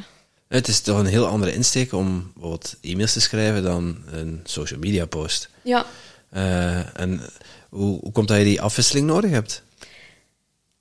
Ik heb dat met alles, denk ik. Ik, ik varieer graag in dingen. Ehm, ik heb bijvoorbeeld ehm, een giga parfumcollectie. Gewoon omdat ik voor elke outfit of elke mood zowel een andere parfum heb. Dus ik, ik draag nooit elke dag dezelfde parfum. Ik denk dat dat gewoon iets eigen is aan mij. Dat ik die variatie wel, wel nodig heb voor, om het voor mezelf ook boeiend te houden en te voelen, ah, ik kan hier nog bij leren, ik kan hier nog in groeien. Ehm, ja. En heb je daar geen moeite om, om te focussen? Nee, ik herken dat heel erg. En niet dat ik iedere dag andere parfum gebruik. Dat niet. Nee, je gebruikt geen. Ik gebruik- Dat was die geen deel van Verstrecht. dat is correct. Ja, ik heb dat even gecheckt. Ja. Eh, ja, nu ben ik een beetje van mijn melk natuurlijk. Ik ben gepakt op mijn zwakheden. Ehm, maar hoe, hoe hou, je daar, hou je daar de focus? Want ja, te veel verschillende dingen zorgt ervoor dat je juist ja, helemaal niks doet uiteindelijk. Mm. Ik baken dat heel hard af in mijn agenda. Ik heb één dag voor één klant. ehm, dat ik daar niet te veel moet in zitten switchen en, en dingen. Want het vraagt ook veel van mij om in de huid en in de mindset van mijn klanten te stappen. Ik wil niet dat, dat mijn teksten aanvoelen alsof dat ze maar een interpretatie zijn van mij. Ik wil dat dus wel aanvoelen alsof dat het echt een weerspiegeling is van wie dat zij zijn als persoon. Ja, schrijven kruip je in de huid van je personage eigenlijk. Voilà. ja. Ja. Dus dat vraagt ook wel wat inlevingsvermogen en ook wel wat voorbereidingstijd en zo je eigen rituelen een beetje om in die flow van die specifieke klant te raken. Dus je kunt daar ook niet zomaar in zitten switchen. Ehm, ja, nee, dat gaat voor mij niet. Dus je Oh. moet dat afbaken. Hè. En welke inwijdingsrituelen hadden ze voor ogen om in onze huid te kruipen? Om in de Ja, ik, Twee liter, eh, twee liter zwarte inkt drinken. Ah, ja, en wel, dat, dat varieert echt inderdaad van, van persoon tot persoon. Ehm, ik heb echt sowieso in het begin stilte nodig. En wat ik dan vaak doe, is, is een kaart trekken uit mijn eh, kaartendek. Ehm, of ik heb verschillende etherische oliën, dat ik zo een mengeling ga samenstellen, dat ik zo vind, ah ja, dat past daar wel, wel bij. Dat je op die manier in die, in die vibe geraakt. Ja, want ik denk, ja, die copywriting, ja, ik en Timothy, we zijn complementair, maar we hebben toch een iets andere achtergrond. Om dat tot een verhaal te maken, dan moet je dan toch, ja, Tim Tom is één entiteit, maar toch bestaan we uit twee verschillende persoonlijkheden. Hoe doe je dat dan om... eh, Zullen we zien, hè? ja? Ja, zo, we zijn wel benieuwd. Ja, eh, ja, wij zijn nu met twee, maar is dat dan, is dat dan zinvol om, eh, om namens Tim Tom te spreken? Eh, de- ik loop daar vaak tegenaan. Ik doe vaak de, de, de, de copy. Eh, we hebben nu twee fantastische dames in ons team, Severine en Cindy, die nu heel veel voor onze social media schrijven, die ook heel veel copy maken. Ehm, maar vaak zet, zet er dan onder, eh, als ik zelf iets geschreven heb, zet mijn naam eronder, maar vaak staat er gewoon Team Tim Tom. Maar, ja, maar dat het toch wel altijd wel diffuus is. Stel dat we een mail sturen ook, dat is dan eh, Timothy en Tom, eh, dat komt dan van ons. Ja, ja. Vaak vloeit dat voort uit mijn, eh, vanuit mijn vingers. Ja, ja. Ja, hoe, hoe, En is het dan, als het voortvloeit uit uw vingers, is het dan alsnog wel de beleving van jullie twee? Probeer dat wel altijd, ja. Oké. Ehm, ik denk dat het sowieso wel nuttig is om vanuit jullie als geheel te communiceren, maar dat er ook momenten zijn waarop dat, dat niet kan. Het zou raar zijn moesten we Tom zijn verhaal de wereld insturen, maar dan vanuit Team Tom. Dat zou zo een afstand creëren, naar mijn gevoel.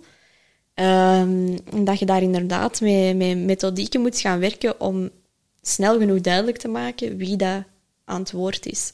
Maar jullie zijn altijd, nog altijd wel een entiteit, maar afhankelijk van welke tekst of, of post of whatever, kan die focus wel eens verleggen. ja. Ik zeg wel, hoe bezig dan, hè? Ja, Ja, Bedankt. Voilà. Ja? ja, dat mag ook gezegd, hè? Absoluut. Ja, over, over jezelf, hè? Ja, Dat mag ja. af en toe. Ehm, en als je, eh, je zegt één entiteit, als je een bepaalde boodschap de wereld in wilt slingeren, of je wil je verhaal vertellen, eh, en wij zijn nu begonnen met, met een bepaald beeld in gedachten van waar we naartoe gaan. Mhm. Ik, voor mij geeft het altijd een handvat om, om daar vervolgens een begin aan vast te breien, of waar we gaan beginnen, zullen we dan wel zien, lezen, als, jij, uh, uh, als jij klaar bent met je magie. Maar uh, wat kun je mensen meegeven van om hoe concreet moet dat eindbeeld al zijn voordat je effectief ja, de, de berichtgeving op de juiste manier naar buiten kunt brengen? Ik denk dat dat niet zo concreet moet zijn in de zin van ik weet perfect wat ik de komende tien jaar exact ga doen, hoe dat mijn programma er exact gaat uitzien of mijn, mijn product er exact gaat uitzien, maar wel welke impact wil ik daarmee maken op de wereld. Wat wil ik als ik hier morgen niet meer ben, dat mensen daar toch vanuit hebben meegenomen? Um, hoe wil ik die wereld of die persoon, zijn leven, een stukje beter maken? Dus dat kan zijn dat dat voor iemand super concreet is. Dat kan ook zijn dat dat voor iemand anders maar ja, drie woorden zijn of een korte zin zijn van, van waar ze naartoe willen. Maar ik geloof dat 95% van de ondernemers wel gestart is met dat idee van we willen hier een verschil maken. En dat dat idee, dat dat hetgene is waar dat je aan mag blijven vasthouden. Ja, die deuk die je in de wereld wilt duwen. Ja. Ja, eigenlijk uw, uw soort... Dat is ook een soort uw, uw brandstof, hè?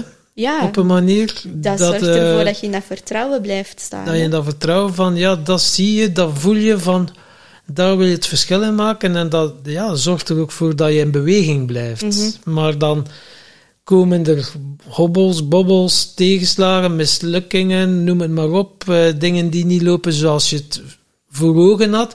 Dat zal voor iedereen wel een beetje hetzelfde zijn, maar je hebt wel de keuze, hoe gaat het ermee om? En hoe ga jij ermee om? Met tegenslagen of dingen die niet lopen voor eh, hoe dat jij het voor ogen had? Goh, ik kan daar zo wel even van, van mijn melk van zijn. Als ik zo denk van, fuck, daar had ik nu echt wel op gerekend. Of, uh, daar had ik nu echt wel zien zitten van project om te doen. Ik kan daar even heel kwaad om zijn. En echt heel hard beginnen wenen daarom. Zo uit die, die onmacht of die frustratie. Maar een dag later denk ik van, oké, het is wat het is. Ik kan daar niks aan veranderen. En ja, move on. On to the next. Ja, Je kan dan wel je- dus echt in, in die emotie gaan en het dan daar laten zijn en het oplossen. Ja, en, en soms zijn er ook instanties waar dat je merkt, goh, ik kan er toch nog iets aan doen. Dat je dan ook gaat afvragen, wil ik er nog iets aan doen? Is het feit dat, dat dit project of zo nu niet doorgaat, of die tegenslag dat ik heb, is dat een signaal van iets wat ik misschien eerder heb genegeerd? Wil ik het dan alsnog wel doen, niet doen?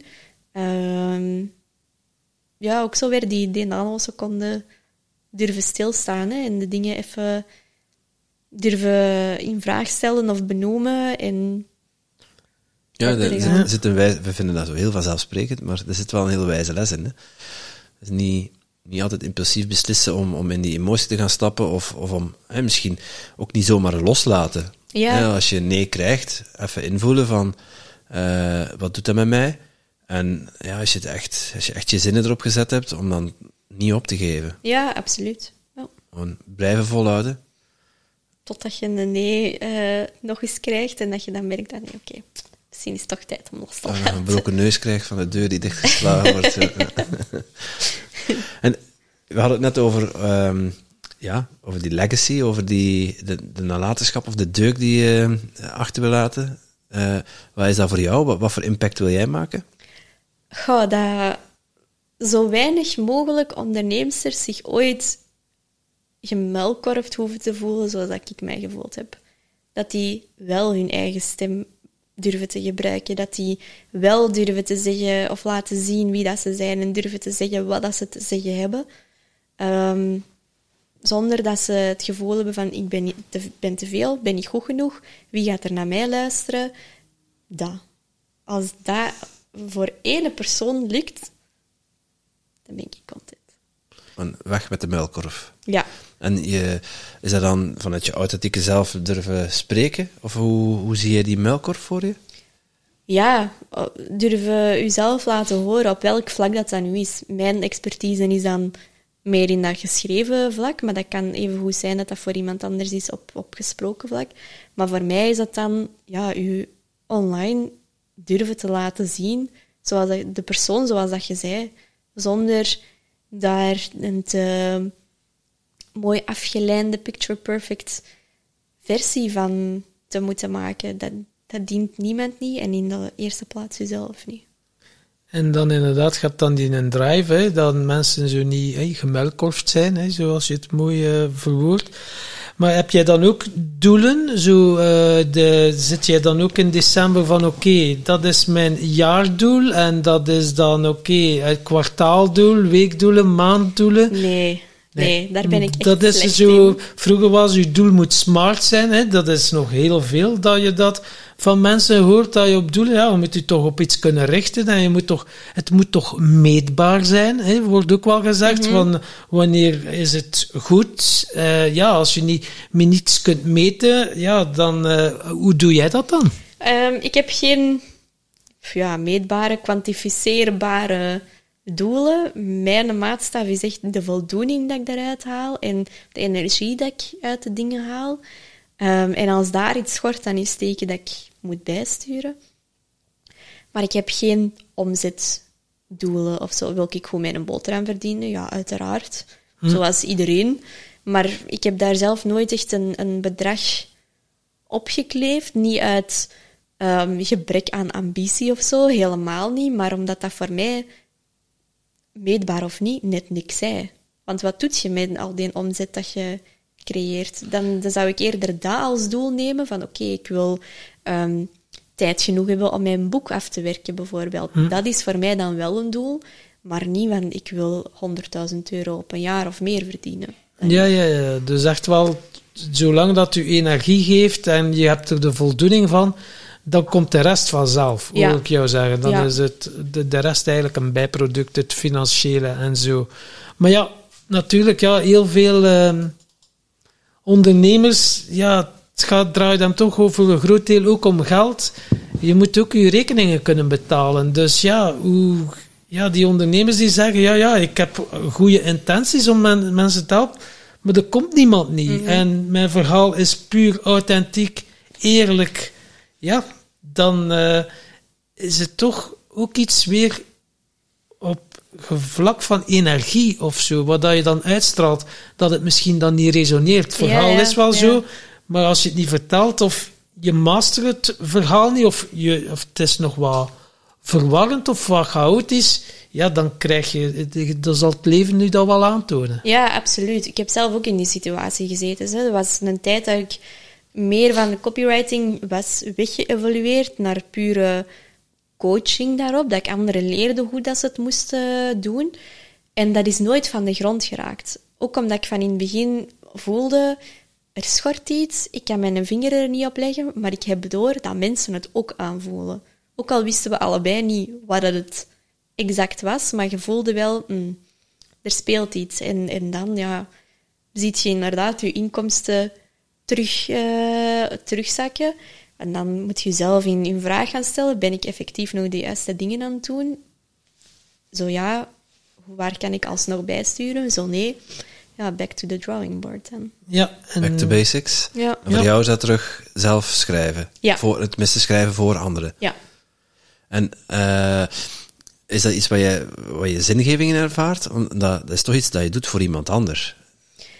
Ja, omdat ik ook heel hard merk hoe hard dat die daarbij gebaat zijn. Wat ik in het begin ook zei, dat grootste compliment dat je kunt krijgen, dat iemand zegt, maar je hebt me hier echt gewoon op papier vertaald. Ja, dat, dat vind ik geweldig. En dat voelt voor mij heel anders dan dat voor een groot bedrijf doen of zo. Daarom dat ik ook vooral met, met solo-ondernemers of, of kleinere groepen samenwerk. En niet voor de, de grote bladen omdat je daar die, moet ik dat zeggen, die dankbaarheid wel echt van voelt en die impact ook echt van voelt. Dus ja, of dat ik dat dan voor iemand anders schrijf, dat maakt mij niet uit, omdat ik hun potentieel wel zie en zie dat ze door die tekst of die paar teksten ineens tien stappen verder staan. En dat vind ik super tof. Ja, dat is, dat is mooi dat je dat zegt. Dat je ook die voldoening uithaalt. En we hebben... ehm ga ik het nu vragen? Ik ben het kwijt. Nee, ja, ja, nu weet ik het weer. Ja. Dat was zo een korte Ja, shortcut. dat is, Ja, ja. Kijk, dat is in de spanningsboog. Hè. Zo van, oh, het publiek is zo van, wauw, de luisteraars is het kwijt. Oh, hij heeft teruggevonden. Zie je, dat is een deugnietje. Zo is het, ja. Ja, Je hebt mij iets verklapt eh, toen wij een, een gesprekje hadden eh, bij Andy Nijs. was zo een netwerk, netwerkmomentje. We hadden een kwartiertje, twintig Ja. minuutjes om even eh, af te toetsen wat kunnen we voor elkaar betekenen. En jij had een, eh, een podcastvraag. Yes. Of een, een verzoek om een podcast te gaan starten. En eh, de reden waarom, dat vond ik, wel, eh, vond ik wel heel opmerkelijk. Kun je daar iets meer over vertellen? Ja, zeker. Ehm, ja, ik ben mijn eigen boek aan het schrijven, een, eh, een fantasy novel. Ehm, Een beetje, ja, Game of Thrones meets Harry Potter, zo die stijl.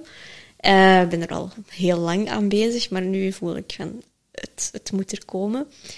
En ja, ik merkte dat ik zo wat met mijn vragen over hoe schrijf je een fantasyboek ehm, een beetje op mijn honger bleef zitten. Je hebt heel veel kennis verspreid her en der, maar nergens zo echt een, een centrale plaats of, of een podcast hè, ehm, waar je dat kon gaan terugvinden van oké, hoe, hoe pitcht je aan een uitgever? Hoe doet je dit? Hoe doet je dat? Eh, hoe zit het met eindredactie, met grafische vormgeving, zo al die dingen. En dan dacht ik, ja, misschien moet ik gewoon mensen eens meepakken op mijn reis, hoe dat ik mijn boek aan het schrijven ben, en dan verschillende experts inschakelen. eh, om daarover te komen vertellen, over hun expertise. Nu, dat staat echt nog heel hard in zijn kinderschoenen. Dat is echt nog embryonaal, dat idee. Maar eh, ja, het boek zelf zit ik nu aan 118, 120 pagina's, zoiets. Oké, dat is toch niet echt embryonaal meer? eh? Nee, het boek zelf Of niet, het podcast-idee Ah, wel. ja, ja, Ja. Nee, het, het boek zelf, dat idee, dat leeft al sinds dat ik een jaar of 15, 16 was.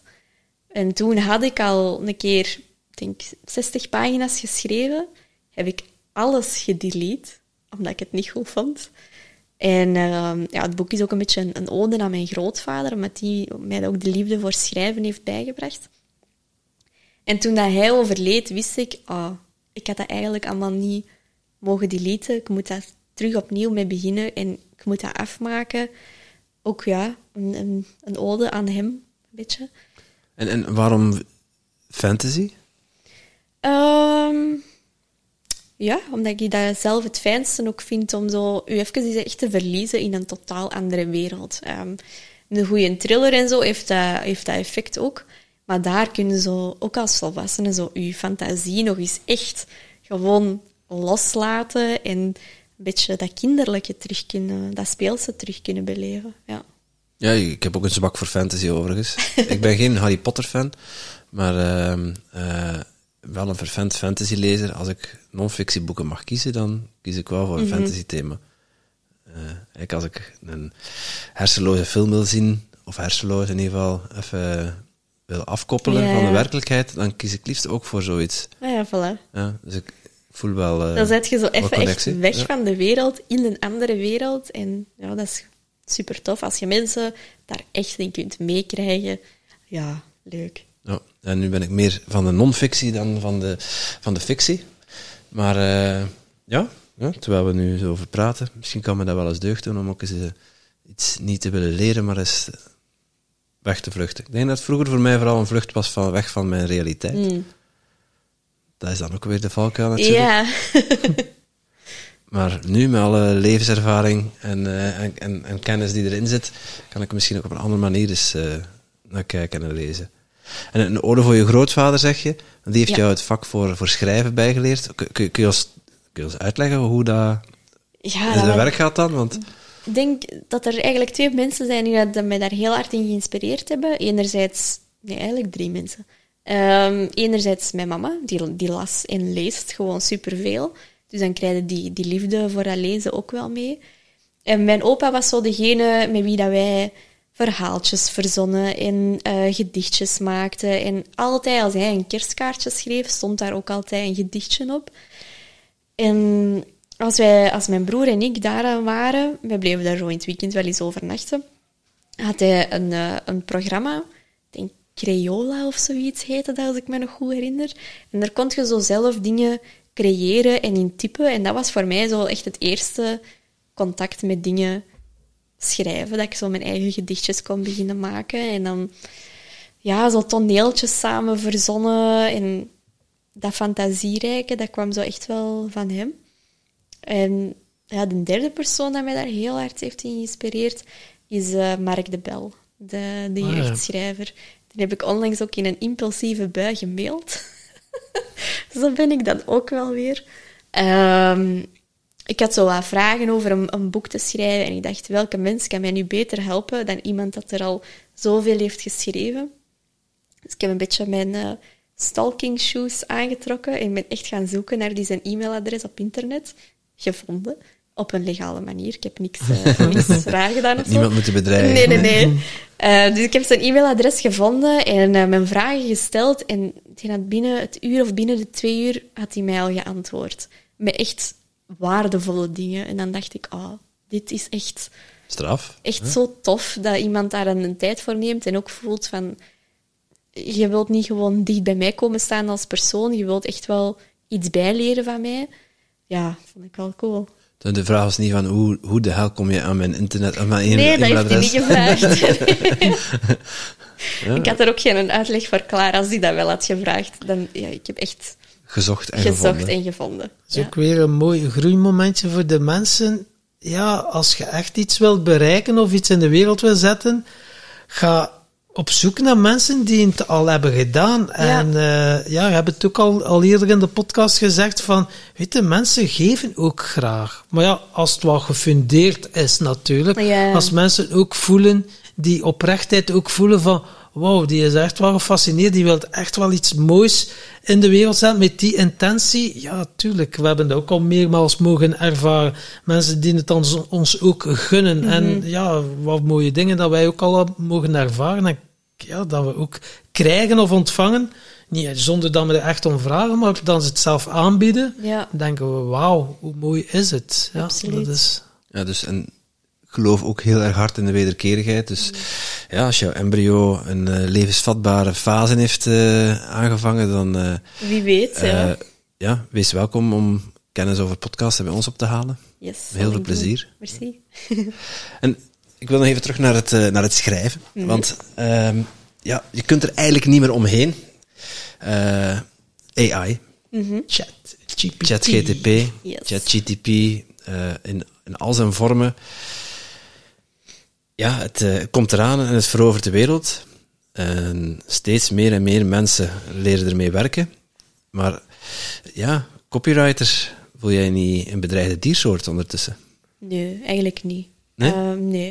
Ik denk dat het, dat het, eh, moet ik het zeggen? Het staat nog niet ver genoeg, en ik weet niet of het ooit zo zal zijn, om die menselijke finesse en die, die menselijke touch dat je ja, door een machine maar heel, heel moeilijk krijgt, dat die dat gaat vervangen. Je kunt de prompts dat je geeft, de input dat je geeft, wel zo goed mogelijk proberen te maken, maar het is nog altijd ChatGPT en geen eh, WriteGPT, om dan dat betreffende AI-programma te noemen. Dus ik denk, als je echt, echt kwalitatieve content wilt die dat eruit springt, dat je nog altijd wel een stukje die menselijke saus daarover gaat moeten gooien. Ja. Ehm, ik vind het wel heel goed dat iedereen er mee leert werken. Omdat ik ook geloof dat het dan alsnog veel belangrijker gaat worden om echt uw eigen stem naar voren te brengen. Eh, om echt een, een onderscheidend geluid te hebben. Iets wat dat die programma's niet zomaar makkelijk kunnen reproduceren of, of fabriceren. Ehm, maar ik vind het goed dat iedereen ermee mee leert werken. Ziet een beetje als een, een rekenmachine of, of het internet te koer. Het zijn hulpmiddelen. Die hebben mensen niet per se dommer gemaakt of, of per se helemaal vervangen. Ehm, ja, het- ik zie het meer als een tool en probeer het te gebruiken in uw voordeel, zonder uzelf erin te verliezen. Gebruik je het zelf? Om ideeën op te doen af en toe, ja, en ook gewoon om mijn eigen blinde vlekken te testen.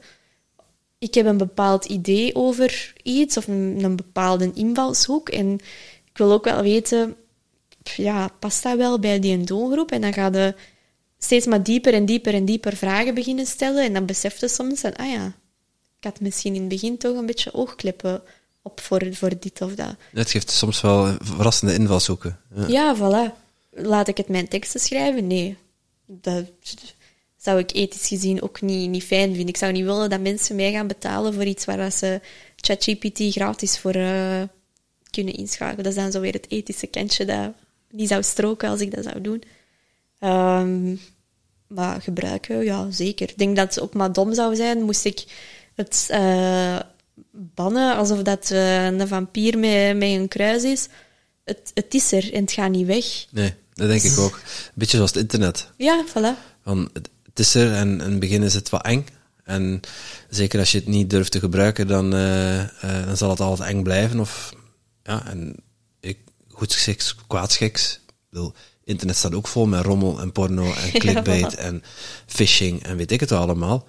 Maar ja, het zorgt er ook voor dat de hele wereld geconnected is met elkaar en dat je elkaar kunt vinden en eh, dat je ook dingen kunt opzoeken. Ook al. Ja. En dat je op eigen onderzoek kunt uitgaan. Ja. En ja, ik denk dat met AI, eh, ik heb er wel een, eh, eh, ja, ik heb er wel een goed gevoel bij. Er zijn ook mensen die zeggen van ja, het gaat ons, het gaat onze, onze kop kosten, het gaat ons overnemen. Dan denk ik ja, als je te veel naar Hollywoodfilms kijkt, Ja. dan zou dat, zo, zou dat zomaar kunnen. fantasy Ja. dingen. eh, Er zit ook wel een eng, er zit ook wel een eng kantje aan. Want ja, ik heb wel al dingen eruit, ge, eh, eruit gekregen dat heel erg veel lijkt op de manier waarop ik zelf schrijf. Daar verschiet ik wel van. Mhm. Eh, Ja, dat is ook teken dat je goede, goede input daarin steekt. Hè, dat je... maar het, het is niet zo dat je, ja, het, het is niet zo dat je dan op, op een hele korte tijd heel veel heel goede teksten gaat genereren. Want ja, als je, ik gebruik het wel voor een e-mail op te stellen. Ja, de 80% versie die is binnen vijf minuten gemaakt. En dat scheelt me zoveel tijd om niet na te moeten denken over hoe, hoe stel ik het op, wat zet ik bovenaan. En eh, het helpt gewoon enorm om de uitlijn, om, om, om een outline te maken, om het zo maar te zeggen. Maar vervolgens de, het, de human touch eroverheen, dus het, het sausje, ja, daar kan je ook nogal flink veel tijd in kwijt zijn. Ja, ja. En dan is ook de vraag van ja, sommige mensen vinden het belangrijker om dan toch maar gewoon iets van output te hebben en geven er niet zoveel om, omdat dat sausje dat je net zo onderscheidend gaat maken en de anderen net wel. En dan is de vraag, ja, in welke groep wilt je... Ja, wil je, wil middelmatigheid of wil je erboven uitsteken en opvallen? Mhm. Ik denk niet dat je me... Ik denk dat... Het, het- tenminste, ik zie het, ik zie het wel. Als dingen? Ja, het valt eh, heel snel op. AI gegenereerd zijn, het, het valt wel op. En eh, aan de andere kant, ja, ik gebruik het zelf ook, dus ik heb er ook niet zoveel moeite mee. Maar ja, als dingen dan, eh, als bijna alles straks door AI gegenereerd is, ja, wat, wat heb je dan nog aan, aan uniciteit? Hè? Ja, dan heb je eenheidsworsten en dat is echt gewoon super saai. Dus je gelooft wel dat je er bovenuit kunt blijven Ja. stijgen. Ook door ermee te leren werken natuurlijk. Ik ben ook wel op de hoogte van verschillende AI-programma's die specifiek bedoeld zijn om mee te schrijven. En dan ga ik ook zien van, wat kan dat, wat kan dat niet? Ehm, is dat nuttig, is dat niet nuttig? Zijn er dingen waar ik zelf misschien anders niet op zou zijn gekomen, maar gewoon daarmee mee bezig blijven en mee zijn met wat dat er is, dat geeft je sowieso al een streepje voor, denk ik. Ja, ja denk ik ook wel. En het helpt enorm in, eh, zeker als je solopreneur bent, om, om ideeën af te toetsen. Hè? Absoluut, ja. Dus het is echt een goede sparringpartner, een klankbord. Niet alleen voor, voor je content, maar ook eh, een business idee dat je hebt. Vraag om een, een SWOT-analyse te maken en voilà. Ja, dus als je het dan doortrekt, dan denk je soms ook, ah ja, dan zouden alle business coaches ook bang moeten zijn. Misschien wel. En alle advocaten en eigenlijk alles Ja, ja, een contract opstellen, zo Ja. gebeurt. Hè. Is het waterdicht? Misschien niet, dat is dan uw eigen verantwoordelijkheid. Maar ja, het is, het, is, het vergemakkelijkt processen die daar soms veel meer tijd in beslag zouden nemen. En, en is het iets wat je, wat je mensen zou aanraden om mee aan de slag te gaan? Ja, gewoon voor jezelf, om te zien wat dat het is en waar dat het kan. Wil dat zeggen dat je jezelf daar ineens in moet verliezen en denken dat dat de holy grail van de toekomst is? Nee, maar onderleg je een beetje om mee te zijn met wat er gaande is en om ook geen ongefundeerde angst te hebben. Hm. Ja. Ja, het, is, het is wel overweldigend, vind ik zelf. Ook de- het rappe tempo waarop dat er nieuwe dingen ontstaan, juist met Ja, AI, en het wordt overal geïntegreerd. Ja. Je kunt bijna geen website meer openen of het zit er niet Of het al zit in. erin, hè. Ja, ja. Nu al. En ook als je zo kijkt van die, eh, die afbeelding dat je daar straks liet zien, die ook AI gegenereerd was. Ja. Ja, voor gra- grafisch vormgevers en zo, kan ik ook snappen dat die zoiets hebben van wow, dit gaat... eh, Ja, wederom, het staat echt nog niet, nog verre van op punt. Maar het zorgt er wel voor dat... Ik, ik- ik kan iets uitleggen en Tom is een beelddenker. Ja, ja. En eh, ik kan iets uitleggen in woorden, maar als, dat niet, als hij het niet ziet, als hij het niet voor zich ziet, dan Ja. kan ik het niet uitleggen. En dan met zo'n prentje, dan gaat het, ah, oké, ah, zo, zo zie je het. En dat, dan heb je al een heel andere discussie. Ja, ja. En dan gebruik ik het echt als een tool. Als ik dat plaatje bijvoorbeeld voor ga gebruiken voor... eh, ja, als ik, als ik met, naar een grafisch designer ga, van kijk, dit is hoe ik het voor ogen heb, maak er iets moois van, dan heeft hij ook een heel goed handvat om mee aan de slag te gaan. Dus dat Ja. kan ook enorm helpen. Ja, ja, aan de andere kant, misschien over vijf jaar is een functie van een grafisch ontwerper totaal overbodig. Dat kan. Misschien jouw, jouw job ook. We weten het niet. Nee, we weten Nee. het niet. Nee, dat is waar. Maar ik denk we gaan er alles aan doen om de, een stukje menselijkheid in, eh, in onze Voilà. maatschappij te houden. Hè? Ja. Ja, want bijvoorbeeld het schrijven op zich, ja, op een of andere manier zit er bij mij ergens een blokkade. Geef mij een wit blad en ik moet iets schrijven. Gebeurt er iets van, weet het niet, maar mag ik het dan inspreken? Dan gaat dat als niks. Maar ja, het is nog een verschil tussen schrijftaal en spreektaal. Ja, maar dat verschil is kleiner dan dat je denkt. Eh, Dat is ook een, een tip dat ik vaak aan mensen meegeef. Schrijf zoals dat je spreekt. En wat ik daar als tool ook bijgeef, is spreek dat eens eerst in voordat je het neerpent. Omdat je dan zelf gaat horen welke woorden dat je gebruikt. En misschien zullen je constructies hier en daar van je zin wel een beetje moeten veranderen, maar dat de essentie van je boodschap wel dezelfde blijft. En dan gaat je ook niet veel formelere taal gebruiken dan dat je gewend bent. Waar dat er net voor, die veel te formele taal gaat er net voor zorgen dat het niet meer natuurlijk overkomt, dat er een afstand zit, waardoor dat mensen er minder snel op aangaan. Dus op zich is dat best een goed idee om dat, om dat te doen en dat gewoon terug af te spelen. En dan al schrijf je het gewoon ene keer over, zoals dat je het hoort, dat je het gezegd hebt, en dat je dan kunt beginnen puzzelen. Ja, Dat is een uitnodiging, Tom. de uitnodiging, ja. Hij voelt nog een klein beetje weerstand. Ja, ja, ja. Dus de vraag is, hoe, hoe krijgen we Tom aan het schrijven? Dan Ja. denk ik, ik verlies... Ik ben al niet van de rapste die kan typen. Dus ik verlies er al enorm veel tijd op. Ja, dan kunnen we zeggen, oké, leer eerst typen. Hè. Op een manier, ja, ik typ wel, maar ja, dat is eh, zo... Het kost mij energie. Ja, En- zo en- simpel is het. En, en misschien ook een tip voor u. In Word zit er een functie om Ja. eh, uw Speech to gesproken- text. Ja, speech to text. Dus om wat dat je ingesproken hebt, om te zetten in tekst. En Ja. dat werkt wel oké, zo. Ja, ook Nederlands. Als je Eh, goed, ja, als je goed ja. articuleert wel, ja. Oké. Vlaams is wel een mindere, maar eh, ik denk dat dat toch... Ja, Engels gaat sowieso beter zijn, maar als je wat deftig... Allee, als je niet zoals ik plat Antwerps eh, ertussen gooit, dan eh Ja, dat het wel. is misschien wel een keer interessant om eh, te gaan eh, ontdekken. En misschien ook ChatGPT, want ja, dus is zo, ik ben een iets andere generatie en op een of andere manier ga ik er nog niet helemaal op aan.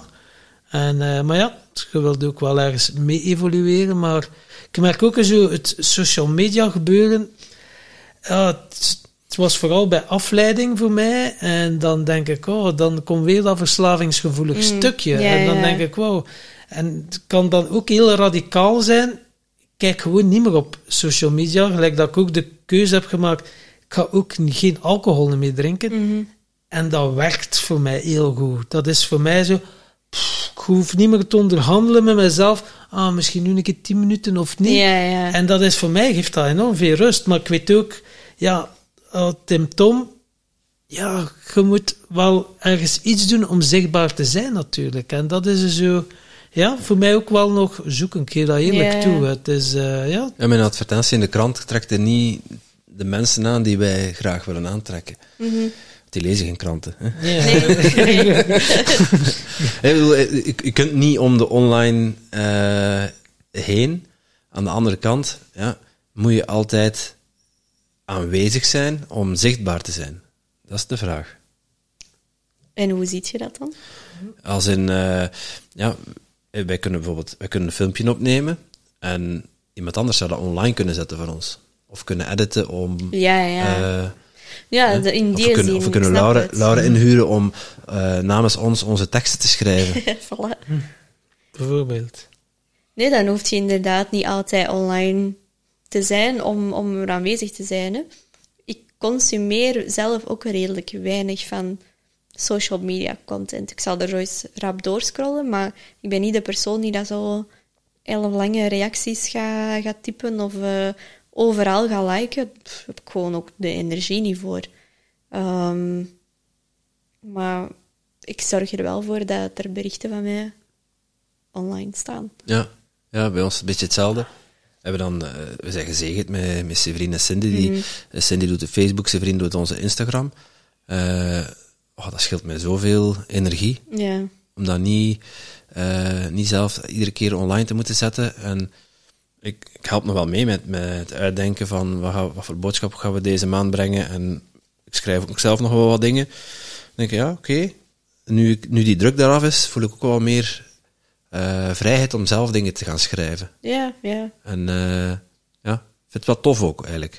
Ik zou niet, ik zou niet iemand anders, voor iemand anders kunnen schrijven, denk ik. Ik vind dat, Ja, moeilijk, ik vind dat moeilijk om... Allee, moeilijk. Het gaat mij goed af. Ja, Ik ja. vind dat moeilijk om voor mezelf de boodschap helder te krijgen. Snap ik.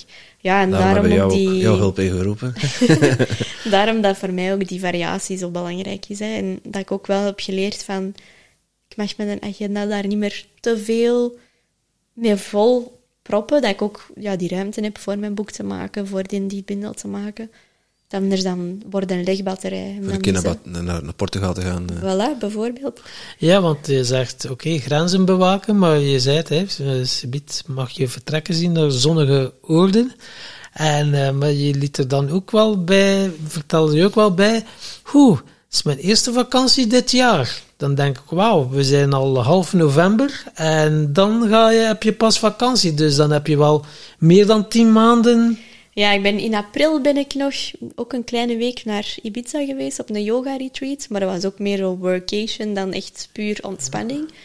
Ehm, ja, dat is eh, de aard van het beestje ook, van zo te blijven, blijven doorgaan. Hè. En dan heb ik dat af, echt wel gemerkt nu, van vakantie is wel even aan, eh, aan de orde. Om terug die mental space te hebben om te kunnen verder schrijven aan mijn boek. Dus dat ga ik daar wel doen.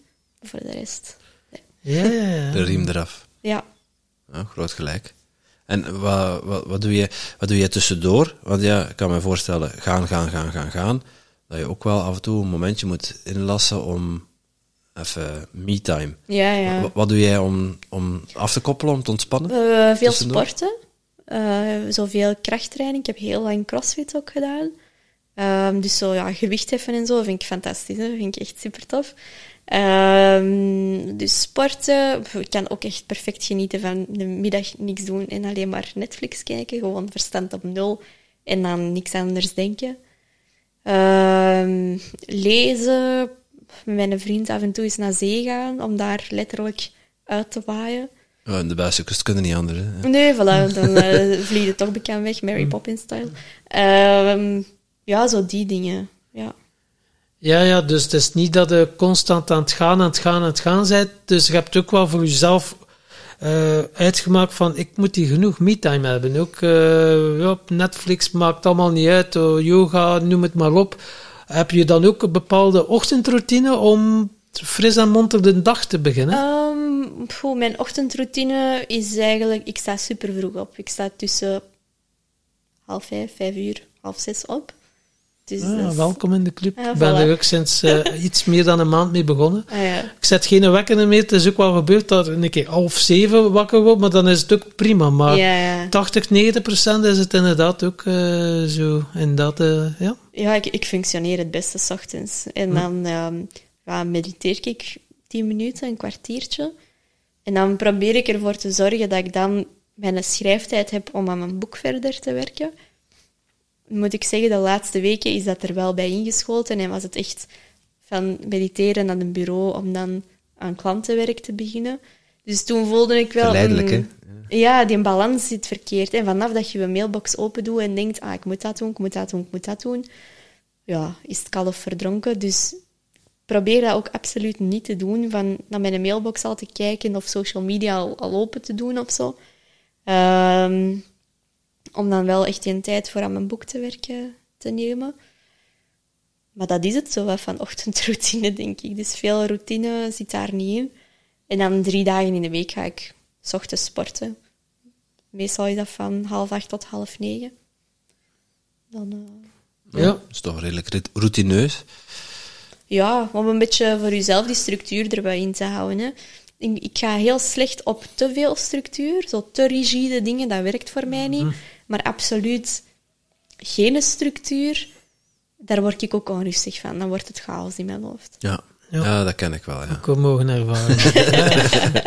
Ik denk dat er heel veel mensen zitten Ja, herkenbaar. En dan komt er weer, ja, hoe vind je dan die een balans? Hè? Dat is dan tot wanneer dat je voelt, zo, dan er verschillende energielekken zijn en dan heb je zoiets van, wow, wat zijn ze hier allemaal? Oei, Ik moet hier even weer eh, het herschikken en eh, even het weer helder maken. Wat, wat ben ik hier nu eigenlijk aan het doen? Voor wat? Voor wie? En eh, dat zijn ja, vragen die ik mij nu ook meer en meer stel. En dan kan het ook heel... eh, verstikkend en versmachtend soms zijn. Zo van, voor wie doe ik het eigenlijk nog allemaal? En dan is dat vooral als je laag in je energie Ja, zit, ja. Pff, dan kan het echt overweldigend zijn. En eh, ja, we gaan het ook niet onder stoelen of banken steken. Dat festival heeft er ingebukt bij ons. En we, er zijn nog naweeën. Ik dacht van, oké, ik ben er door, maar dan stil moment op en je denkt aan iets en kon dan weer zo volledig in die dingen schieten. Dat ik dacht, man, voor wie en voor wat doe ik het hier nu eigenlijk? Is hier nu de bedoeling? We willen anderen en onszelf inspireren. Maar het is niet de bedoeling om er echt wel, eh, dat dat zo'n impact op je leven heeft ook. En, eh, ja, soms hebben die momenten ook even nodig om het inderdaad terug in perspectief te zien. Hè? mhm. Ehm, en te beseffen van het leven draait niet alleen maar om dit project. Ook al, ook al staat dat zo dicht bij u en is dat echt uw ziel en uw hart dat je daarin steekt, dat je toch soms moet zeggen van oké, ik ben nog een, een persoon daarbuiten ja. ook Ja. nog. Ja, zeker. En ja, wij, wij schrijven dat dan ook mee in onze teksten. En eh, toch ook al, al ehm, ja, onze doelgroep is vaak heel sensitief, hoogsensitief. Dus die voelen ook enorm die, die onderlaag, die ondertoon aan. Eh, dat ook wel oppassen is dan daar niet, niet de pity party Ja, op te gaan starten. Eh, ook al is dat absoluut niet de intentie of de bedoeling. Eh ja, was iemand die heel open en oprecht met ons deelde van... eh, en dank je wel daarvoor, als je dit hoort. Je weet precies, precies wie dat zal zijn. Eh, maar van, ja, doorvoel het maar een keer. Ga maar eens in je lijf zitten en voel maar een keer of dat klopt om dat te blijven herhalen. Want met welke intentie blijf je dat delen? Ja, dat is een goeie, mooie spiegel. Ja, wel mooi dat hij dat teruggeeft. Ja, op ja, een, heel op een, heel eh, mooie manier. Ook niet zo van zeggen, stop eens met zagen, maar dat je... Daar komt het wel op neer, hè? Ja. Maar ik vind het mooi dat hij dat wel durft terug te geven Ja, om dat voor dat in vraag te stellen. Ja, Ja, en, en dat, dat soort berichten, eh, ze zijn altijd welkom. Mensen kunnen ons gewoon mailen, een brief sturen, whatever. Posten. hef, Hm. eh. Ja, postduif. Rookpluimen. Ja. Die komen niet altijd aan met zo weer. eh. maar ja, wij stellen, dat- wij stellen dat enorm op prijs, omdat dat geeft blinde vlekken weer die je zelf niet ziet. hè. Mhm. En ja, ik denk dat, eh, je zei net van, ik kan niet goed tegen kritiek, maar wel heel ontvankelijk voor feedback. Ik denk dat dat voor ons hetzelfde geldt. Mhm. Al zie ik geen kritiek, ik zie overal wel feedback in. En ja, altijd welkom. Dus voilà, bij deze, nogmaals, uitnodiging van mensen. morgen heel jullie mailbox vol zeggen. Ja, ja. Meestal valt het wel mee. En apropos, mensen die ons dan toch met ons meeleven, we hebben een donatieknop op op timtompodcast.com en eh, ja, kat de kat noemen en dan gaan we het in de wereld. Het is een feit, hè, 30.000 euro schuld en we zijn een VZW opgestart en ik moet eerlijk zijn, we moeten facturen betalen die we nu niet kunnen betalen en ja, Ja, dat zijn gewoon feiten, geen en dat zijn Ja, gewoon ja. feiten. En ik moet zeggen, af en toe komt die angst en die komt heel hard binnen. En dan heb ik zoiets, wow, hoe, wat? En ja, dat kan heel verlammend zijn. En dan gaat het dat inderdaad in de manier hoe dat je communiceert. En dat is dan niet zo het slachtoffer, maar het komt dan precies zo over hoe, hoe, hoe geren ze het. Maar ja, het is dan wel oprecht. Maar als je dan iemand u erop wijst, dan is het zo, ja, we willen nu ook niet de zielighart zijn. Ja, We zijn nu met persoonlijke groei bezig. We zitten constant bezig. Het is doorvoelend. Weet je, daar zit een echte groei en dan we dan zelf het Erin slachtoffer kunnen en het hangen. zielige. Ja, ja. Dus dan klopt het ook niet. Maar dat is voor ons ook weer dat proces. En eh, dan hebben ze iets van, ja, ja. Maar eh, zoals Timothy zei, dank u wel voor ons daar ook feedback op te geven. En ja, daar zit echt te groeien. Eh, dus, eh. Geen idee hoe we hier nu opgekomen zijn, maar eh, dat doet er niet toe, want dat brengt ons naadloos naar, eh, ja, naar geluk en succes. Oké. De rode draad van onze podcast. ja. Ik weet niet hoe dat ons er naadloos naartoe brengt, maar dit is onze Ja, het fantasiewereld. er Nee, Dus dat kan gewoon.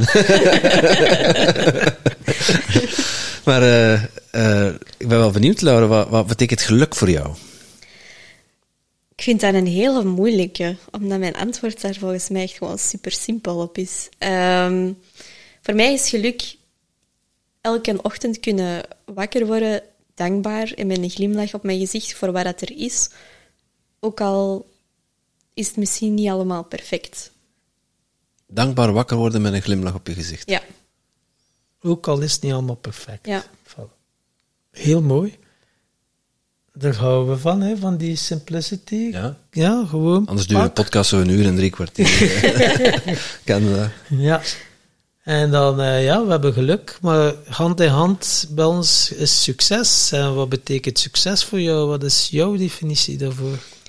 Ik denk dat ik het eerder in de podcast al heb aangehaald. Als ik één ondernemer, onderneemster, als ik daar voor één persoon voor kan zorgen dat hij zich niet meer zo gemuilkorfd voelt en dat hij echt zichzelf durft te laten te zien zodat hij is, dan ben ik succesvol.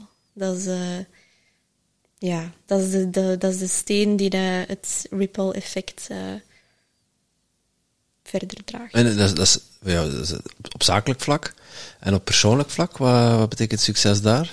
Ehm, vind ik een hele moeilijke, omdat ik daar zelf echt nog heel hard in zoekende ben. Tussen wat dat de maatschappij van mij verwacht en wat dat ik zelf wil. We hebben het er straks ook al even gehad over, over kinderen.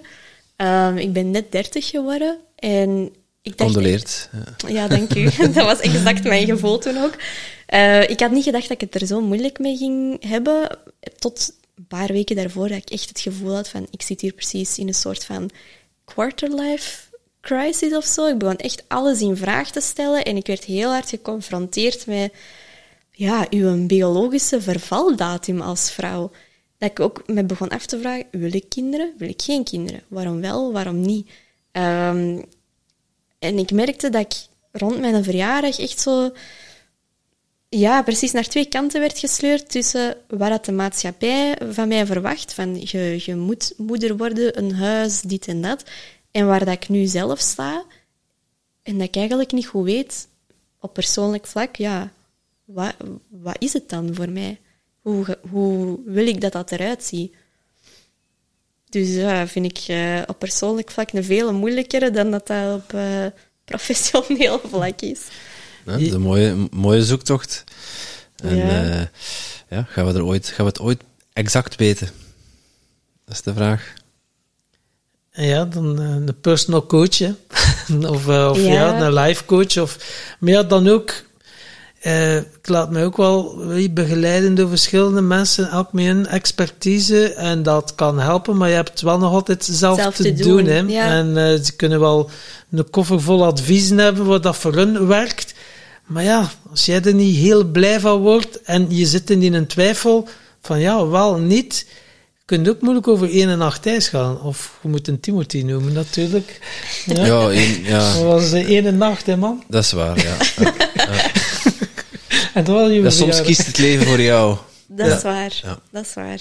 Eh, ja, je bent net 30 geworden. De je dat? vervaldatum is nog niet direct in zicht, denk ik. hoor. Nee, nee, nee, maar toch, allee, een- klant van mij, die ehm, Vicky Peters, die begeleidt ehm wensmama's op al een iets oudere leeftijd. Dus vrouwen van eind de 30, begin de 40, ouder, ehm, die daar alsnog moeder wil worden. En tijdens een interview met haar zei ze mij dan van ja, we staan er niet bij stil als vrouwen, maar eigenlijk vanaf uw 30 uw vruchtbaarheid begint echt te dalen. En dat vertelt niemand u in biologielessen. En dat is bij mij heel hard blijven hangen. Dat ik dacht, ja, als ik nog kinderen wil, en ik ben daar zeker van, is het misschien niet slecht om al over stappen na te denken van oké, moet je eh, dingen laten invriezen of, of dit of dat. Maar gewoon dat biologisch gegeven is bij mij echt gigantisch hard blijven hangen. En ik weet, ja, je hebt nog tijd, maar je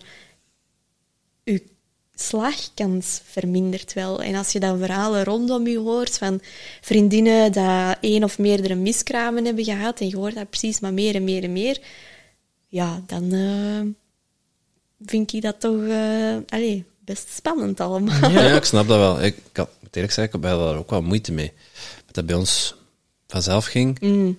Dat er dan, koppel, dan koppels hoort die dan maanden, soms jaren over doen. Ja, ja, En voilà. het uiteindelijk niet lukt. Dan, eh, ja, een wrang gevoel. Ja, ja, snap ik. Dat, dat is moeilijk. Hè? En je, je weet dat op voorhand ook allemaal niet. Hè? Nee.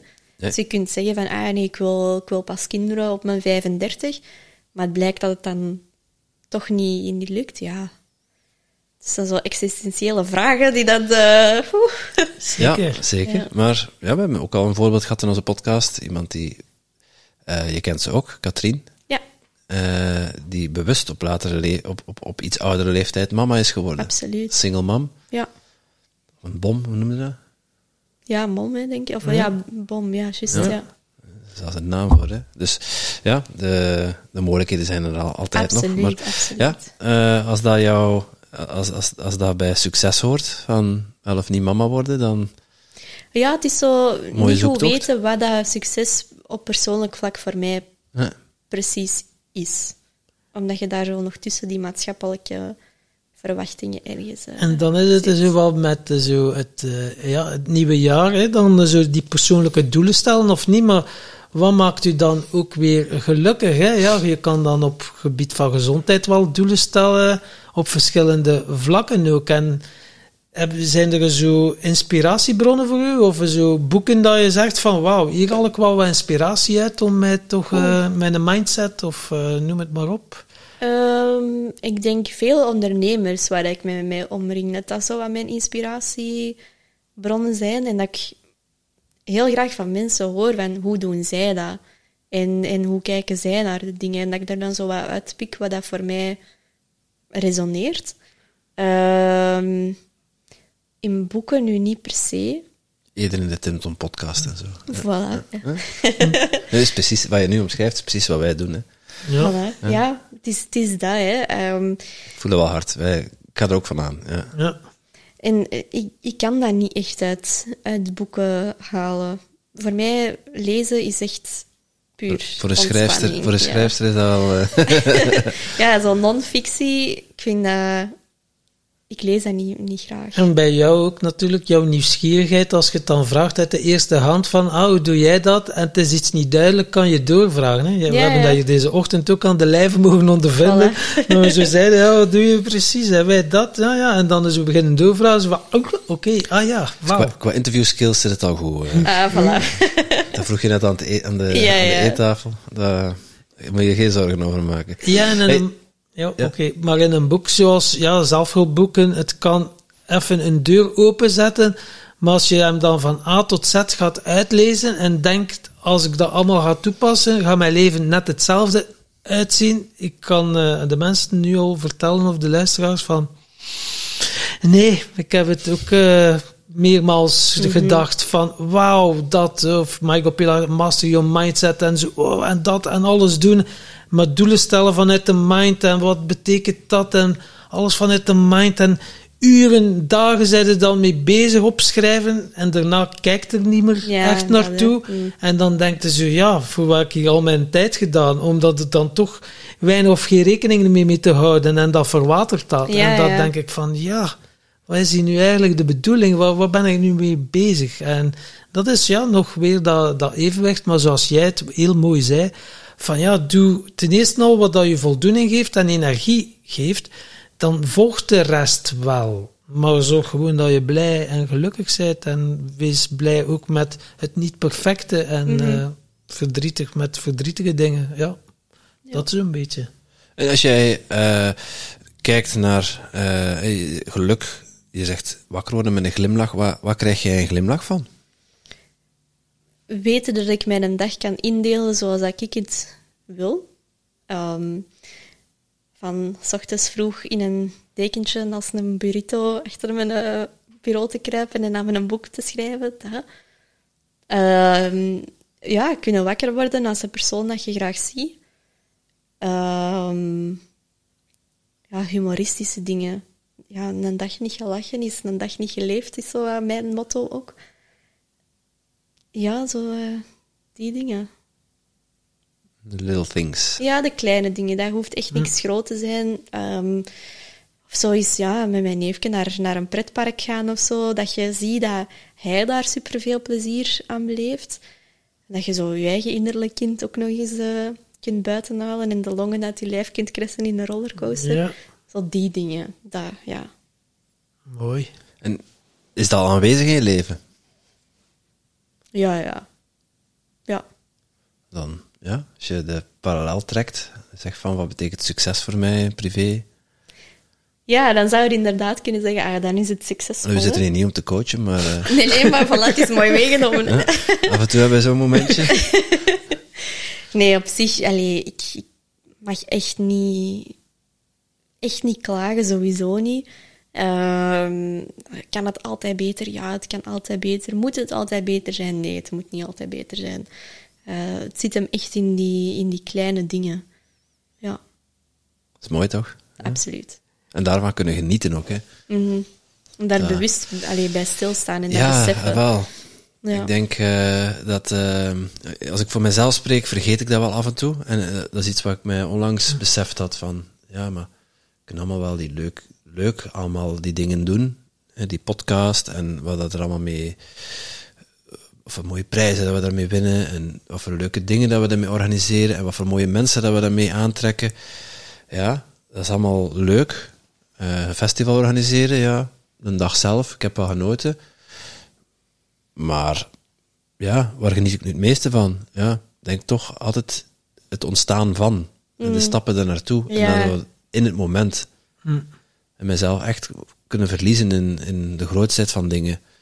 Eh, Het volgende grote ding. We zijn daar heel goed in om, eh om Ja, big ja. thinking. En dan jezelf daar echt in verliezen, dat is echt oef, ja, teleurstelling keer op keer. Dan denk ik van, wat, wat doe ik mezelf aan? Ja, Ja, terwijl ik, ja, ik geniet er wel van. Maar ik geniet juist van dat moment, de, het, het nu. Ja, en dat je dat dan soms ook achteraf beseft van, oh, ik heb eigenlijk helemaal niet stilgestaan bij dat moment zelf. Hè? Zoals op het festival, dat je dan zegt van, ja... Het festivaldag wel- zelf heb Ja, ik echt wel heel ja. bewust, eh, heel erg van genoten. Maar er zit er een Nee, naast maar mij mij was die... adrenaline bijvoorbeeld. ik snap en, dat. eh, en dan achteraf denk ik, wow, man, wat is dat hier allemaal? En dan denk ik, wauw, wat mooi dingen doen wij, zetten we in de wereld, maar heb er dan zelf niet intens van kunnen genieten. Ja. En dan... Toen je dat ik- vertelde, raakte ik heb mij dan dat echt, zo ja. in eh, de Lars Faber is een boekje, Avoider, maar een avoider heeft moeilijkheden om te kunnen genieten van dingen. Omdat dat gevoel, je heeft altijd zo extreme nodig. Zo, oh, daar ga ik op aan, dat enthousiaste. Boekje de Heart Defenders, denk ik. Ja. Ja, de Heart Defenders. Ja, Ja, ja. inderdaad. En dan denk ik van wauw, maar dat is heel, eh, klinkt heel bekend voor Ja, mij. ja. Omdat eh, gewoon of dingen, kleine dingen genieten, heel moeilijk, omdat ik het niet voel. Er zijn al wel lagen van afgepaald, maar toch elke keer wat meer het extremere om iets te kunnen voelen en om het te mogen en kunnen ervaren. Dus dat is voor mij wel een les om dan ook bij die kleinere momenten stil te staan. Oh, wauw. En ook dat pleasende stukje Ja. daar, hè, op die dag zelf, dat je alsnog mensen het naar de zin wilt maken en Constant. jezelf Ja. op de achtergrond zetten. Ja, ja, het is een bedrading die, eh, ja, dat is een levenslang project, eh, sowieso. Het is daarom dat ik in de persoonlijke groei ben verzeild geraakt. Oh, er zit een draadje eh, los ook, Ja, meer dan eentje. Bij wie maar, niet uiteindelijk. maar ja, het is dan dat je beseft van, wauw, wat heb ik hier allemaal verdoofd of wat heb ik allemaal opgeslagen, wat ik ja, die wilde voelen en dan nu, ja, het wordt Mhm. echt opgetrild en dan denk ik van, oh, wauw, en je wilt dat dan soms nog onder water houden, maar dat gaat dan niet en het komt er dan uit en oh, mooi proces. Dus Ja, ja. eh, het is wel mooi om dat samen met de vrienden van Tim Tom eh, te mogen bewandelen ook, ja. Genoeg zelfmedelijden. Ja. Geen pity We gaan terug naar onze gast. eh, want jij mag in ieder geval nog een vraag bedenken voor onze volgende gast. Oeh. Ja. Mhm.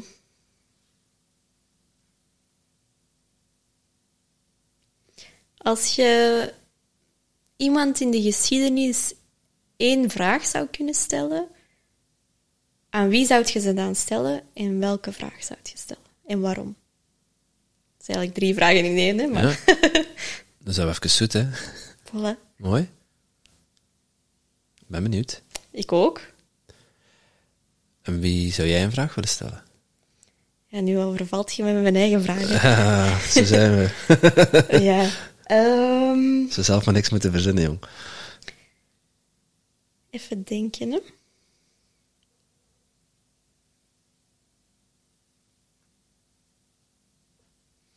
Hmm.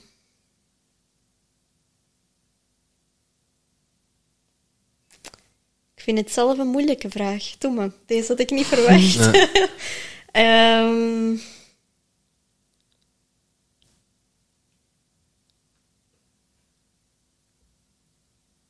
dat is misschien echt heel stom, maar dat is nu het eerste wat dat mij te binnen schiet. Zo aan de kapitein van de Titanic of zo. Vraag van, heb je er nu echt alles aan gedaan om die ramp te vermijden? Want je hebt zo heel veel, ik weet niet, conspiracy theories of eh, al dat niet, dat die eigenlijk heel goed wist dat ze in gevaarlijk water aan het varen waren. Dus ik zou die dat wel willen vragen. Wat heb je er alles aan gedaan en wat zou je anders hebben gedaan? Interessant. Ja. Ja, verrassend antwoord ook. Mooi. Het was het eerste dat me te binnen schoot. Ah, leuk. Ehm, over plotwendingen gesproken. We gaan naar een eind. En eh, ja, voordat we jou gaan bedanken voor een mooi gesprek, wil je nog vragen, waar kunnen mensen terecht als ze meer informatie willen over jou? Ehm, ze kunnen mij zowel op Instagram als op LinkedIn vinden. Ehm, als je Laure Omens intipt, gaat je het wel vinden. Eh, of als je op Instagram Loco intipt, gaat je het ook vinden. En anders via de website, en dat is www.locowriting.com. Alright. En ja, wat voor, we hebben net over gehad wat voor klanten je absoluut niet wil hebben. Maar eh, eh, als mensen het gevoel hebben van, hm, ja, dat klinkt wel interessant. Voor wie werk jij het liefst?